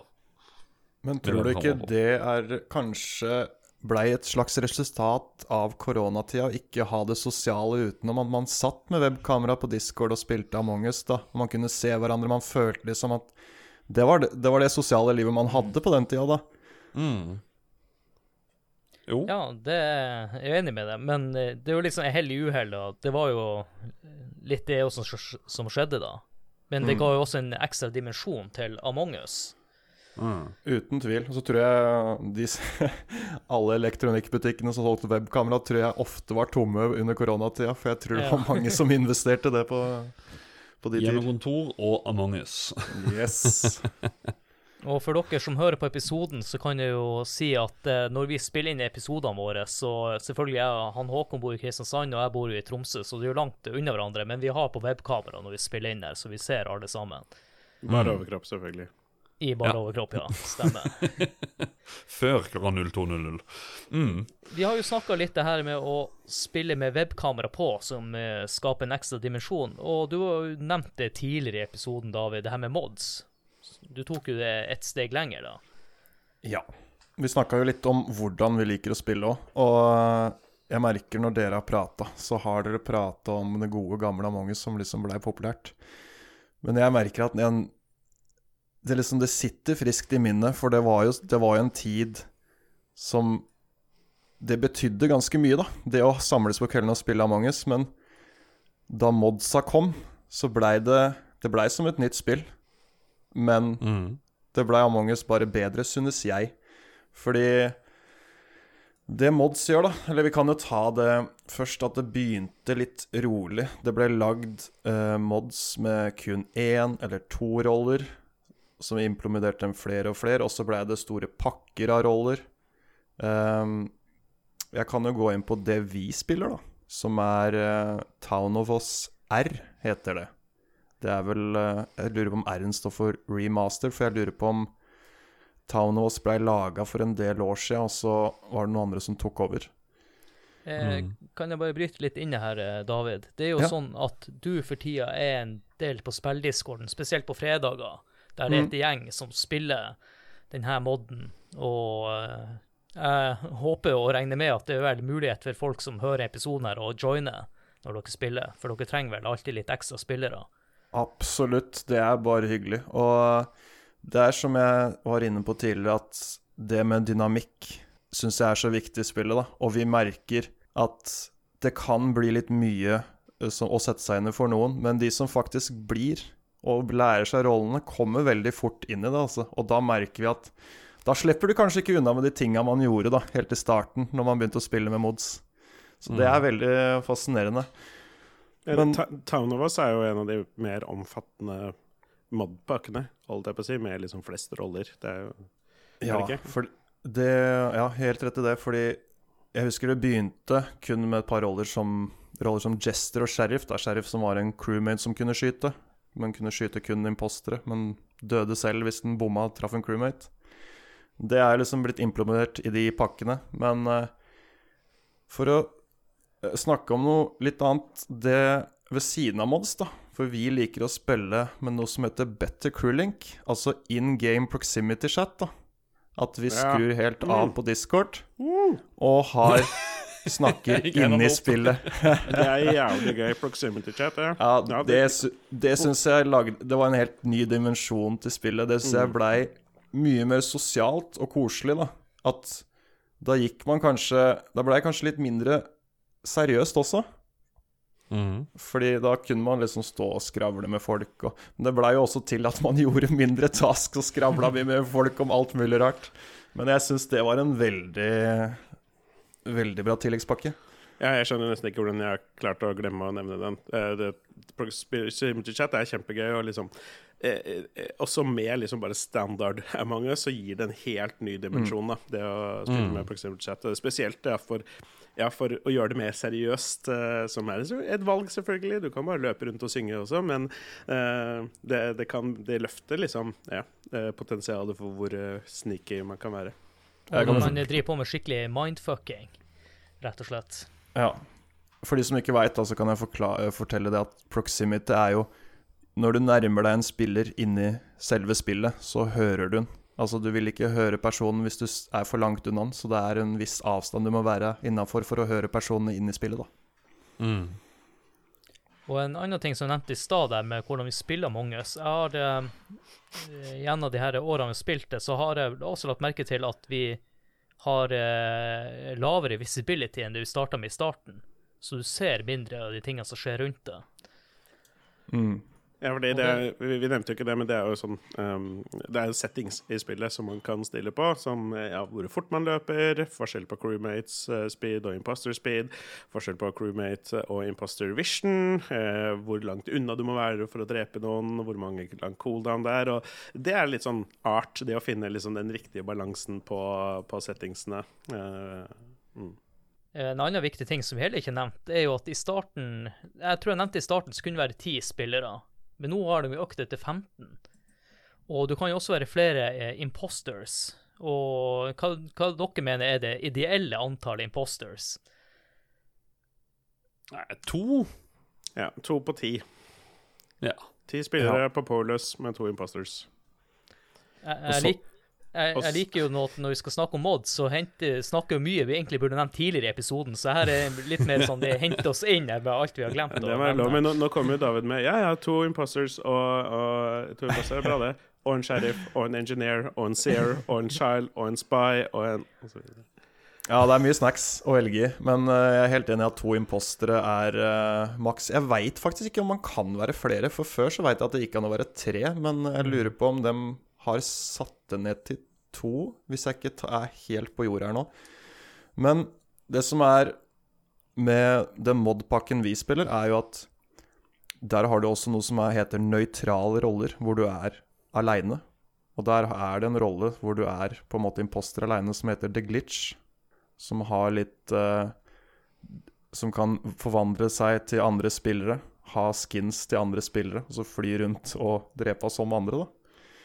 Men det er Når du er Det merker i hvert fall jeg. jeg vet ikke, nå vet ikke hvor mye dere har spilt mods, men når du er imposter aleine, så er det mye mindre press enn da er, du er med to stykker. Da føler du et visst ansvar for å gjøre det godt for din uh, lagkamerat. Mm. Ja, jeg har det vel sånn, sånn at hvis det er, det to, så er det sånn Yes, har jeg noen å lene meg på. Det, da, da er det greit. Jeg syns det er enklere å komme seg gjennom to imposters, for at du kan eh, gå noen runder der der du vet kompisen din blir å drepe noen, så du har et alibi. Mm. Ja, jeg skulle så, til å si at det, det, er noen av de beste rundene hvor liksom, den ene imposteren bare går på en killing spree, liksom, og så får han drept mm. liksom fire-fem stykker liksom, de første to rundene før han blir stemt ut. Og så er du en som ikke har drept noen ennå, som bare er helt sånn fersk og bare har masse ja. alibi. Så greia nå til dags, for de som eh, hører på og kanskje har lagt Among us litt på hylla, så er det mods som er kanskje veien tilbake igjen til Among us. Jeg syns i hvert fall det, uten tvil. Det har Det er som jeg nevnte tidligere, at jeg syns kanskje det blei litt ensformig å kun være crewmate, og det å gå og vente på imposter, da. Men når du først fikk imposter, hadde du venta så lenge at da kom jo den derre steig pulsen med én en eneste gang, da, når du skulle være imposter, og så hadde du kanskje en liten tanke om hvordan spillet skulle spilles, og så dreper du en, og så kommer det en og reporter mens du dreper den. Liksom, der, var, der var den imposterrunden borte. Venta ti runder til.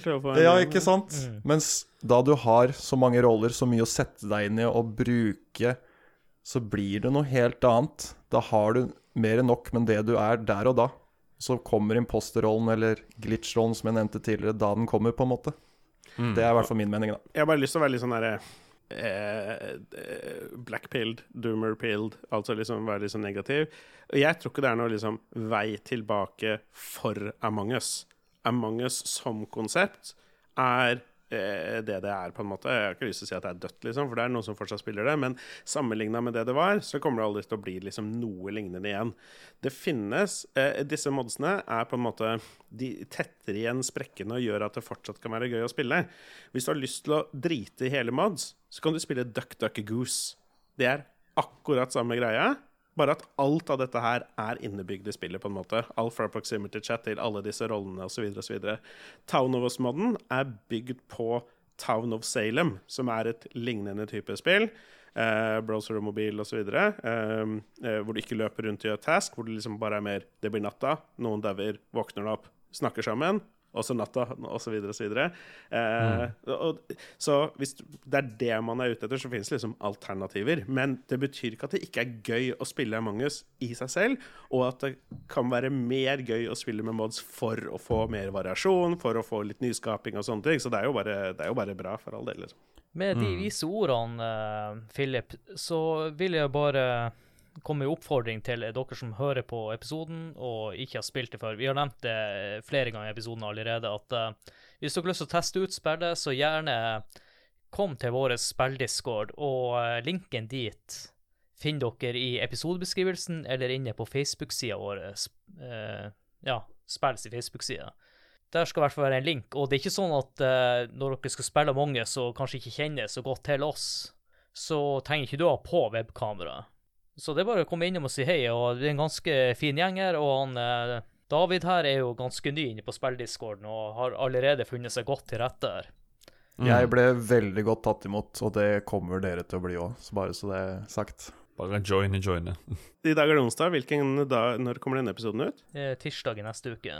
Ja, da, jeg har noen planer på fredag, men jeg er hjemme sånn i ti-tida på kvelden. Da ses vi på fredagen etter det, da, I guess, etter den episoden har kommet ut. Yes. Da er jeg jo spent å høre på hvem som dukker opp på den fredagen når episoden har kommet ut. Og for dere som hører denne episoden om eh, ett år, så Ja, du kan jo prøve den fredagen da òg. Det kan hende vi er der da òg, men uh, da tar jo ikke garantere det. Jeg kan ikke garantere at det er mange, i hvert fall. Men at det er webcam med bare overkropp, det er det stor sjanse for. Uh, jeg er ganske spent egentlig på å være med og spille mest for å få testa ut liksom alle modsene. Jeg har, spilt, jeg har spilt med en del av det, men jeg har ikke hatt tålmodigheten til å Fordi jeg syns David sier det riktig at det gir spillet en veldig mye mer dybde, men det, det gjør det også det hever terskelen litt for og det å komme seg inn i det. For liksom som han sa, du kan ta utseendet til noen andre og drepe med. Og plutselig, hvis du ser noen drepe noen, så kan du ikke si at det var garantert rød fordi det kan jo være grønn som tok utseendet til rød, på en måte. Det, det, gir det en helt annen dybde. Det kunne vært litt artig å, å teste spill liksom ordentlig med noen som liksom var litt, uh, var litt opplest og godt trent på, på alle de forskjellige rollene. Mm. Og du som har så mye Jeg regner med at du i hvert fall har en del timer. Det høres ut som du har spilt ganske mye, Philip. Og du kommer til å komme fort inn i alle, alle rollene, det er jeg ganske overbevist om. Det, men det gir jo så mange variabler, da. Det, ikke, det, er som du sier, du kan ikke peke på at du, han drepte. Sånn er det bare. det, det, er Du står der som et spørsmålstegn, plutselig ligger det to stykker død rundt deg, og du veit egentlig ikke hva som har skjedd. Er det en usynlig en som er drept her, eller hva er det som har skjedd? Er det en sheriff som har skutt feil? Det er så Ja. Mm. ja nei, jeg likte Town of Salem ganske godt, og det er jo som sagt Det er samme greia, bare uten mm. taskene, på en måte. Så ja. Mm. Deilig kaos. Deilig føler vi nå at vi har eh, fått snakka det vi har lyst til å snakke om Among us, og kanskje tenke på å rate Among us? Ja. Da skal vi rate Among us, og vi bruker Nintendo-magasinet sine kriterier og karakterskala for å bedømme spillet, etter de her fem punktene. Grafikk, lyd, spillkontroll, underholdning og holdbarhet. Og skalaen er fra 1 til 10. Håkon, grafikk. Grafikk jeg har jo snakket om det tidligere. Jeg synes det er litt sånn eh, Jeg vet ikke, det, sånn, det appellerer ikke så veldig, øh, men øh, det funker. Jeg gir det syv av ti. Syv. Philip? Ja, jeg vet ikke. Rart og litt merkelig. Fem. Sikkert midt på treet. Det er det det der. Ja. David? uh, Ja, det er jo ikke sånn at du kommer inn i spillet og sier 'wow, så flott dette var'. Men jeg syns det er noe sjarmerende, så jeg gir det en 7,5. 7,5 halv Jeg føler den grafikken den kunne vært en nier, men også en treer, så jeg lander på fem her. Ikke helt på midten, men det blir fem. Eller ni, ni og tre. OK, seks blir det, da. Sånn. Uh, Håkon Lyd. Ja, Det er ikke det største soundtracket eller noen ting. Det har noen lydeffekter som er sånn derre Shit, liksom. Det, nå ble jeg killa. Uh, og soundtracket er med Du er in space og setter stemninga og sånt. Det gir syv. Det kunne vært mye mer, men uh, ja. Syv. Philip? Det er nok her jeg gir den min beste karakter. Uh, mest fordi de gjorde en god jobb med en del av de lydene som ble ganske ikoniske, på en måte. Mhm. Det er liksom De gjør veldig mye riktig der. Eh, det er ikke breathtaking, men det er veldig velfungerende og, og gjør det det skal gjøre godt på en ikonisk måte, nærmest åtte av ti. Åtte av ti, ja. Enn du, David? Ja. Nei um det er ikke lyden som imponerer meg mest, men uh, det er visse lyder som, uh, som, er deilig å høre i spillet. Blant annet imposterlyden. Så Hvis du får den mange ganger i løpet av kvelden, så er jeg oppe på en sjuer cirka. Jeg tenker jeg skal gi det en uh, sekser. Det er fordi at uh, mye av lydene har vært gjenbruk fra gamle prosjekter. Jeg støtter meg på det, og uh, lydene er ikoniske, men jeg synes ikke at det er make it or break it når det kommer til spillet. Eh, spillkontroll, Håkon. Vi må vel ta utgangspunkt i PC-maskinen her. Ja, og, eh, men eh, det, er jo, det, er jo, enda en ting som også er vanskelig. Altså, det, det, det, er liksom Among us vi skal rate her. Spillkontroll er ikke det Altså, tasks Du må huske på at det her er jo eldgammelt. Vi har jo hatt med level up og sånne ting, og det er jo ingen som rater spill på den måten som Nintendo-magasinet gjør. Nei, nei, nei, nei, nei, men dette her er egentlig det rareste spillet å rate, eller som vi noen gang har rata. Jeg gir det en syv her også, uh, uten noen spesiell begrunnelse. Philip? Det er ikke noe bra, det er ikke noe dårlig. Det er det det skal være. Fem av ti. Ja. David? Jeg syns det flyter bra, og det, det, gjør det det skal gjøre, da. Så jeg, jeg er veldig fornøyd med det, så jeg gir den, jeg gir den åtter. Åtte? Jeg er faktisk enig med han Håkon her. Det, underholdning. Her er jo et spennende kategori, Håkon. Det, det er ti, uansett hvor forbanna jeg har vært, eller hvor glad jeg har vært. Eh, det er ti. Det er Altså, ja.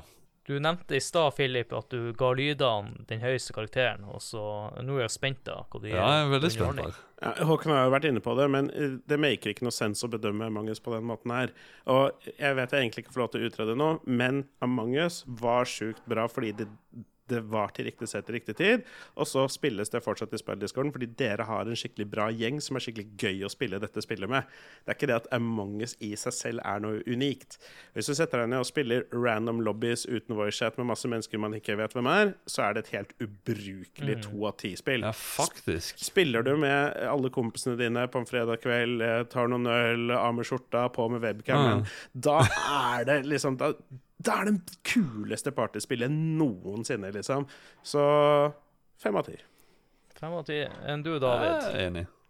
Jøss, yes, dette, dette, var tynt, gutter. ja, vi har jo en tier og en femmer, så det er jo ikke det. Jeg, jeg veit hva, men jeg, jeg, skjønner, jeg skjønner hva dere mener. Men så lenge du har med deg den beste gjengen du kan ha med deg, så er dette de beste 40 kronene jeg har brukt ti av ti.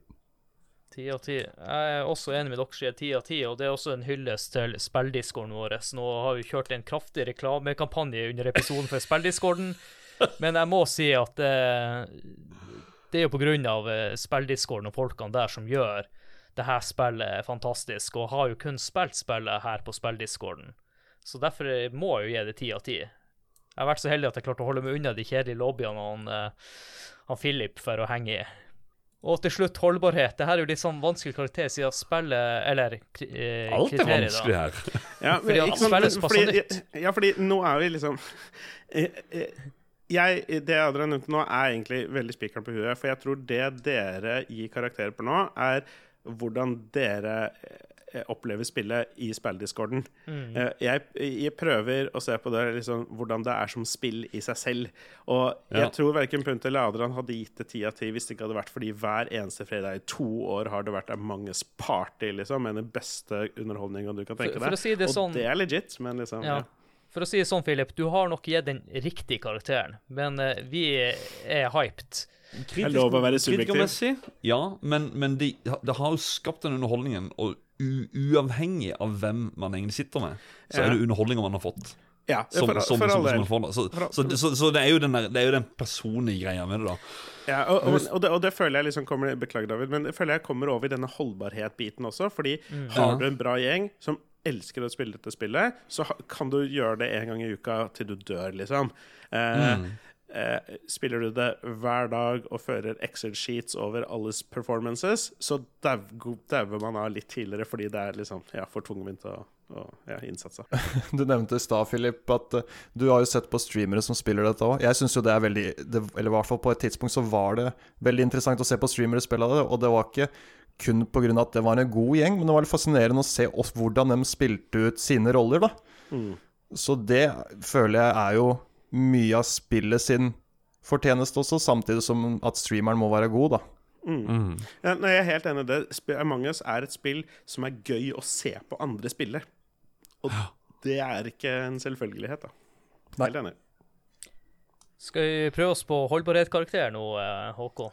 Ja, holdbarhet, altså Jeg vet ikke. Det var plutselig så Alle jeg spilte med uh, av venner spredd rundt, så, så, var det liksom sånn du, du, følte på at du begynte å kjenne et mønster, på en måte, så det ble kanskje litt kjedelig i lengden. Det er gøy opp en gang i ny og ne.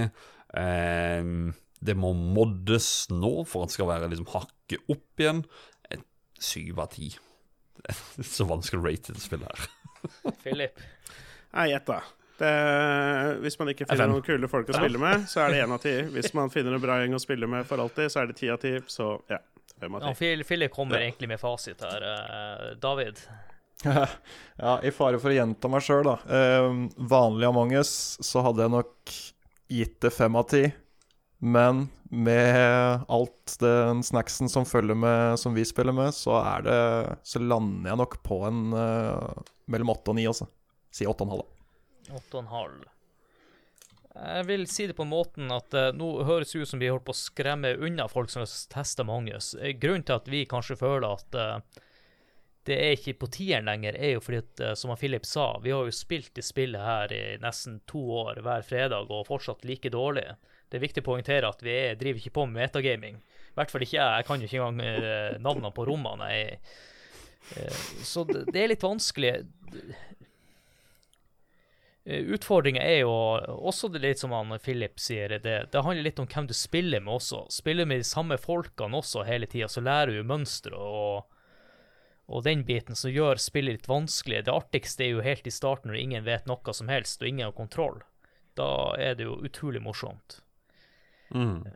Jeg vil kanskje si at fem er den riktige karakteren, men spill handler også litt om å hylle spillene og spille litt på nostalgien og hypen og alt det. Så Philips karakter er riktig, og vi andre lever litt på hypen, så jeg gir det en Jeg er enig med Håkon her òg, syv.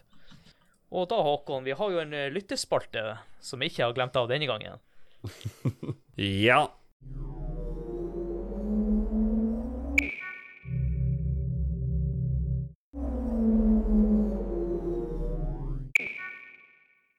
Vi var inne på Eller du, Adrian, uh, var inne og spurte på, uh, på Discorden og inne på Facebook-gruppa Spell Community om, om, folk hadde noen minner til dette Amange-spillet. Og vi hinta litt for at det, det, er veldig mange som vi har blitt kjent med via dette spillet, inne på serveren og sånne ting, eller via dette communityet. Så rett og slett bare spurt om hva, hva betyr spillet for folk? Er det noen gode minner? Og mye mer. Olav Øyan, dette er ene og alene grunnen til at vi er kjent. En komplett dataidiot med null kunnskaper forviller seg inn på Discord grunnet vennequiz under pandemien. Og vips, så har man en drøss, uh, drøss med nye, fantastiske venner. Among us pluss spill. Hashtag kjærleik. Så uh, Olav Øyan, det er hyggelig å bli kjent med via Among us. det som er morsomt med Olav, er jo at jeg trodde han var en 17-åring, for han spurte litt i hvor skal jeg gå nå, hvordan gjør jeg det, hvordan gjør jeg det? Men han er jo faktisk over 40 år, og det var litt artig. Var, og det var en grunn når han slo på webkameraet. Hvordan så, så de folkene ut egentlig? Og da, ja. da fikk jeg hageslepp, og han uh, Beklager, Olav, men du ble 20 år eldre. Bare med et tastetrykk. uh, Fis. Du må ta han, og så Nei, ta så Jeg tar ikke Jeg tar bare han Fis det nederst han skrevet her. Ja. Og så har vi han eh, Fred Inge Mr. Awesome Stenersen, også kjent som Fis, inne på discorden vår. Her vil han bare rette en stor takk til eh, podkasten Retroteamet med han Otto i spissen, som også er kjent som Fisto her inne på discorden vår. For han nevnte i en episode at han var inne på vår spilldiscord og spilla som med folk og det var bare å bli med. Og han tok sjansen en fredagskveld og hoppa inn i kanalen på Discord, og der var det 'hei, hallo, god kveld'. Flere positive lade ord før du kom med spørsmål om hvordan du skulle bli med. Og det ble jeg jo, og under korona så gikk det hver helg Among us på discorden til spill, med folk på kamera og store glis. Det var her min spillkarriere starta, og den fantastiske flotte gjengen han ble kjent med er 100% takket være Mangus og litt han Otto, da. Så orker han ikke skrive noe spesielt om spillet, for det vet nok de fleste hva det innebærer. Men eh, han kan si da at han hadde mange fantastiske fine timer med kjefting og fliring på kveldstid. Mm. Og så takk til deg, Fis, for at du skrev på dialekt. Eh, Vi er jo begge nordlendinger, men eh, den um, Hamarøy-dialekta den sitter ikke helt inne hos en tromsøværing. Jeg gjorde så godt det som jeg kunne. Da har vi Asim Amin. Uh, mitt første minne av Among us er å se på youtubere spille det, som deretter inspirerte meg til å kjøpe det og aldri spille det. Og så husker jeg hvor mind-blowing det var når jeg fått ut at, eh, at spillet var i hermetegn gammelt på det tidspunktet det plutselig bare sprengte i popularitet pga. youtubere slash Twitch-streamere lenge etter lansering.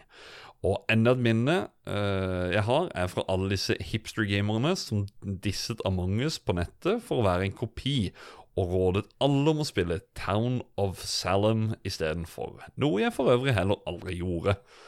Så ja. Det var jo noe han Philip hadde spilt. Ja, ja, og jeg skjønner den biten litt. Det er ikke det at det er noe bedre, på noen måte, men uh, en Town of Salem tar på en måte det, og skipper alle taskene. Og i stedet for task så blir det bare natta, og så velger imposteren hvem han vil drepe. Og så våkner man opp, og så ser man hva som skjer. på en måte. Hvem har blitt drept, hvem har eventuelt gjort hva, hvem claimer at de er hvem, osv. osv. Og det er um, det er mye den samme lignende type social deduction-greia, men mer konsentrert rundt I stedet for å bare ha møte, holdt jeg på å si, emergency meeting, og så blir det mørkt, og så dauer noen, og så er det et nytt emergency meeting. Det er et helt annet spill, men igjen med alle de rollene og sånt. Så ja, litt annen type greie. Mm. Og så har vi han Stian Mæland her. Mm, Among us. Kommer ikke på et spesifikt minne, men de fleste opplevelsene med dette spillet har han fått via sene kvelder med spillcommunityet. Og utrolig mye gøy han har blitt vitne til eh, når han stått på cam, eller når han har vært killer. Det skal sies at han Stian Mæland her, han blir jo kjent i en periode som Securitas. For at han uh, var jo kun på cam, og så var det alltid sånn «Øh, Så du på cam? Hele tida. Men det skal også nevnes at Span Community er blitt nevnt veldig mye. Altså Stian Mæland, også kjent som Kampsauen, eh, var jo også en av de første jeg spilte sammen med, sammen med Philip, inne på Lolbua sin discord. Eh, vi må jo det, kommer en link til den discord-kanalen også. Eh, på en eller annen kanal et eller annet sted. så, så, vi får delt den også. Og ja, det gikk noen timer eh, både på spillet, men også mye inn på Lolbua sammen med Stian Mæland på Among us. Ja, liten, lite sidespor. Jeg ser gratulerer, Punter. 15.1 ser du fikk 100 total task completed achievementen på Steam. Gøy. ja. Ja, da, der, der ser man. Også 15. februar. Og det er morsomt, for vi spiller inn 15. mars nå. Ja, nice. Eh, så hadde vi sistemann her. Eh, Tom Jørgen Bastiansen. Eh, han skrev bare Håkon SØS, 'Vote to eject'. Og det er sånn jeg hater, for det funker som regel. For jeg blir sur, da. Og så er det sånn OK, det er Håkon. Bare få han ut. Du, du er sur. I starten, når vi starta å spille Among us på spilldiscorden, så var det jo sport å stemme meg ut først. Så Ja, det det var var ofte fordi du sa at jeg var der, og så var jeg ikke der. Og så Nei, nei, men det var bare sånn det er en intern joke, da. At folk Ja. stemte meg ut. Så jeg fikk ikke spilt det så mye i starten. Det tror jeg, til og med, jeg, tror jeg til og med jeg husker det. Jeg var sånn der, jeg elsker å være imposter på spill i skolen, for da er det bare sånn der Uh, Skal vi kaste ut Adrian? Ja, vi kaster ut Adrian! Og alle bare Ja, vi kaster ut Adrian! Og så svapp, går Adrian ut luka.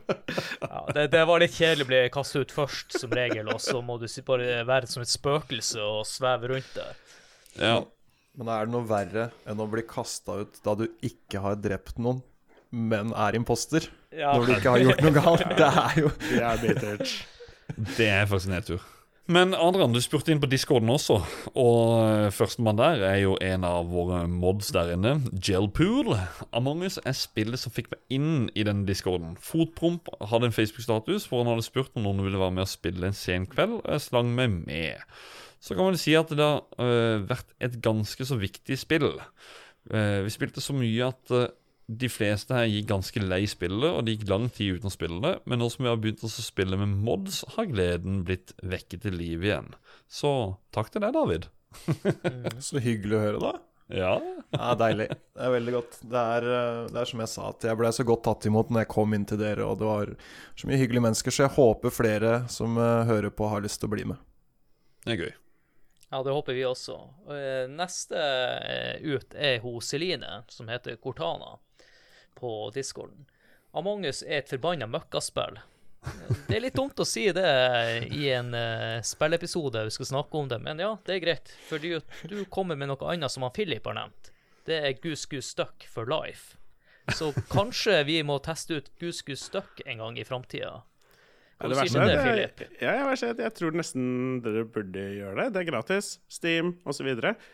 Og så er det liksom samme greia, bare at alt er tilrettelagt for og bygd rundt at det skal være, være alle disse forskjellige rollene og sånn, og liksom hvor da kartene kan designes rundt disse tingene. Og så er det ja, events og dreping og ja, alt. Det, alt det, som er, det, som er, bra da, Philip, er at om to, tre, fire år til, når vi skal lage en uh, Gus Gus Støkke-episoden, så er alle litt lei det spillet. Og da må, da må vi forsvare Gus Gus Støkk, og, og uh, så må vi oppfordre med et nytt Among us-lignende spill i framtida. Mm. Neste her er Fotpromp. Han skriver rundt 150 timer med løgn. Det er faktisk ganske nydelig. Kjenner jeg har godt av å snurre hver og en av dere rundt lillefingeren. Men som Gelpool eh, nevner, så var dette spillet hans inngangsbillett til denne discorden, som så mange andre sin. Eh, dette spillet har brakt mange av oss sammen her, og jaggu har det gjort det igjen i form av mods. Og David med den flotte gjengen han har dratt med inn her. Ja, enda en uh, hedring for mods. ja. Og det er viktig ja. å nevne at han, David går under DSP her inne på discorden. Ja. ja litt, uh, jeg, jeg leste det spørsmålet, og det eneste som var litt sånn bittert med det, var at han skrev sånn Å, jeg har spilt 150 timer. Så bare sånn Å, jeg lurer på hvor mye jeg har spilt. Så går jeg inn og sjekker, og så er det liksom sånn 80 timer eller noe sånt. Og så bare Nei, det var jo ikke så mye.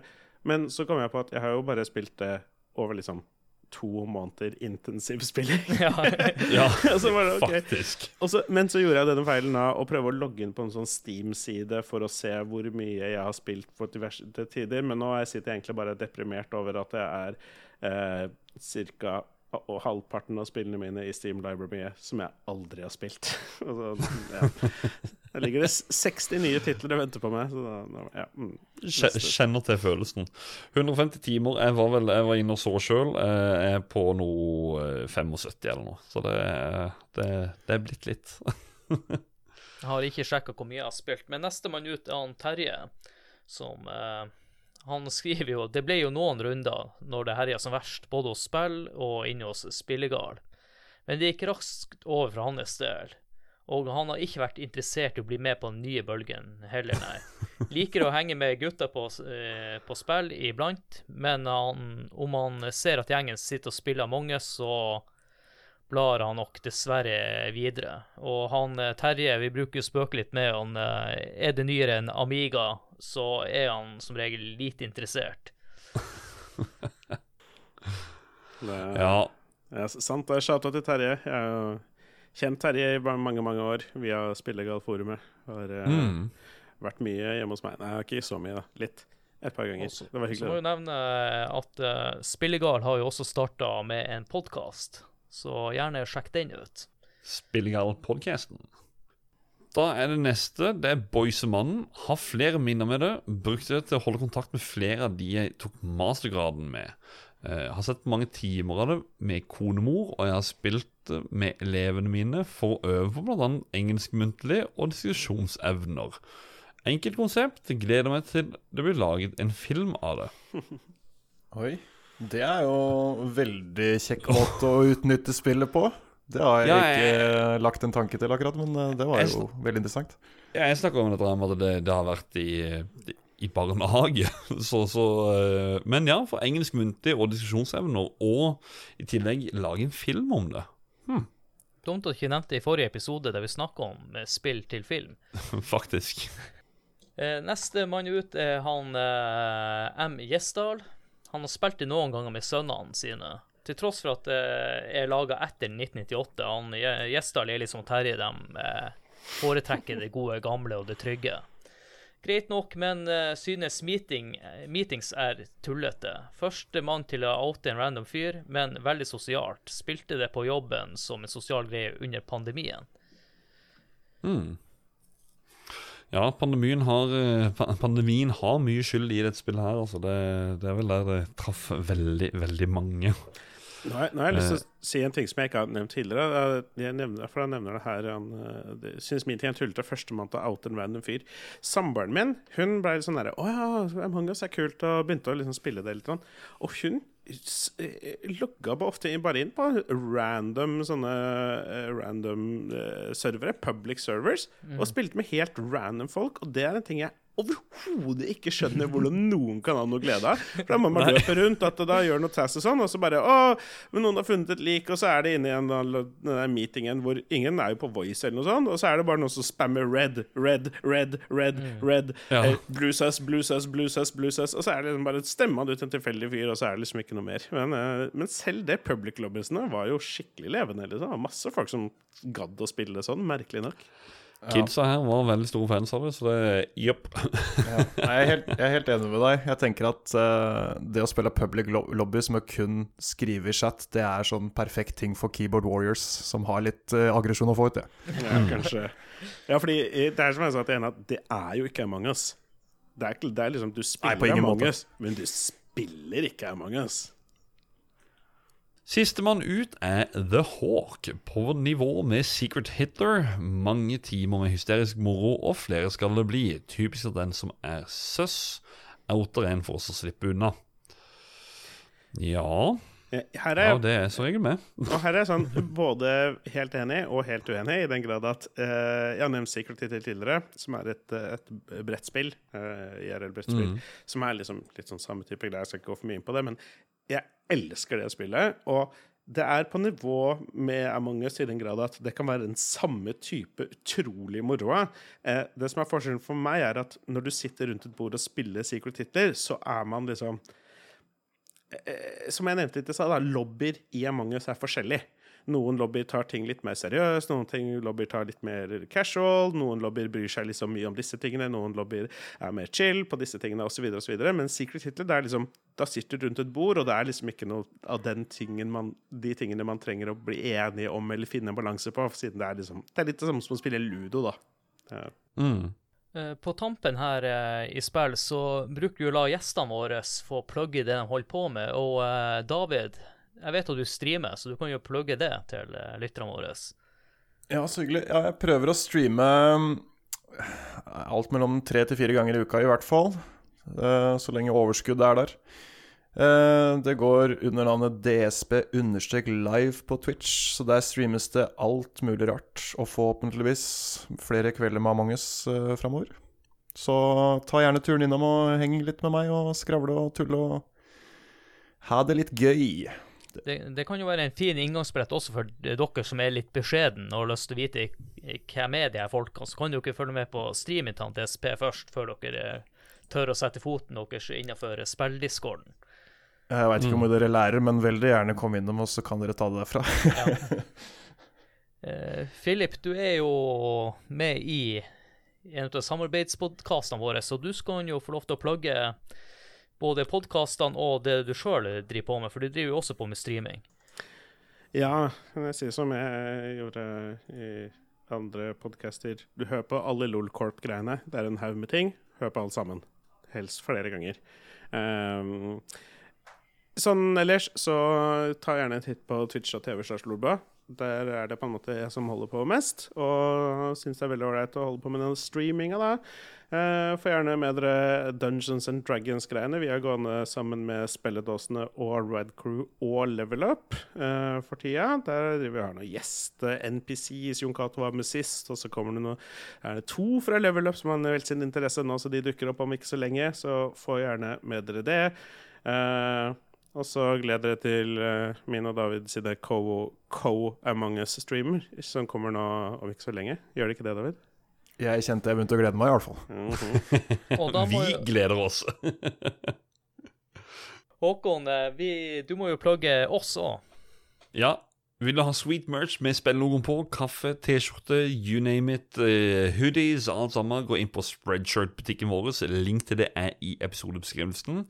Og så måten på så uh, Måten på å støtte spill er å tipse venner og, eller bekjente om podkasten. Gjerne gi en sånn stjerne inne på, inne på Spotify eller på Apple Podcast, eller hvor enn du hører på podkaster.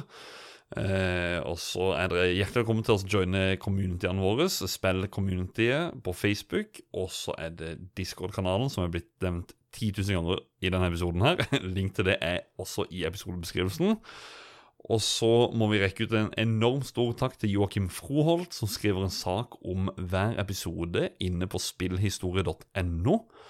Og hvis du har lyst til å kaste noen kronasjer på oss og støtte oss, eh, støtte oss den veien, så kan dere gjøre det via patrion.com slash lolbua. Da har vi en tier som heter Nachspiel. Da finner dere bonuspodkasten Nachspiel. Og så hakket over den så har dere noen som heter festdeltaker, og der er Roffelbua, som nevnt i introduksjonen. Der er Philip, kapteinen, og um, har det ene temaet etter det andre. Eh, litt sånn samarbeid nå i det siste med Celine fra Spilledåsene. Og ja.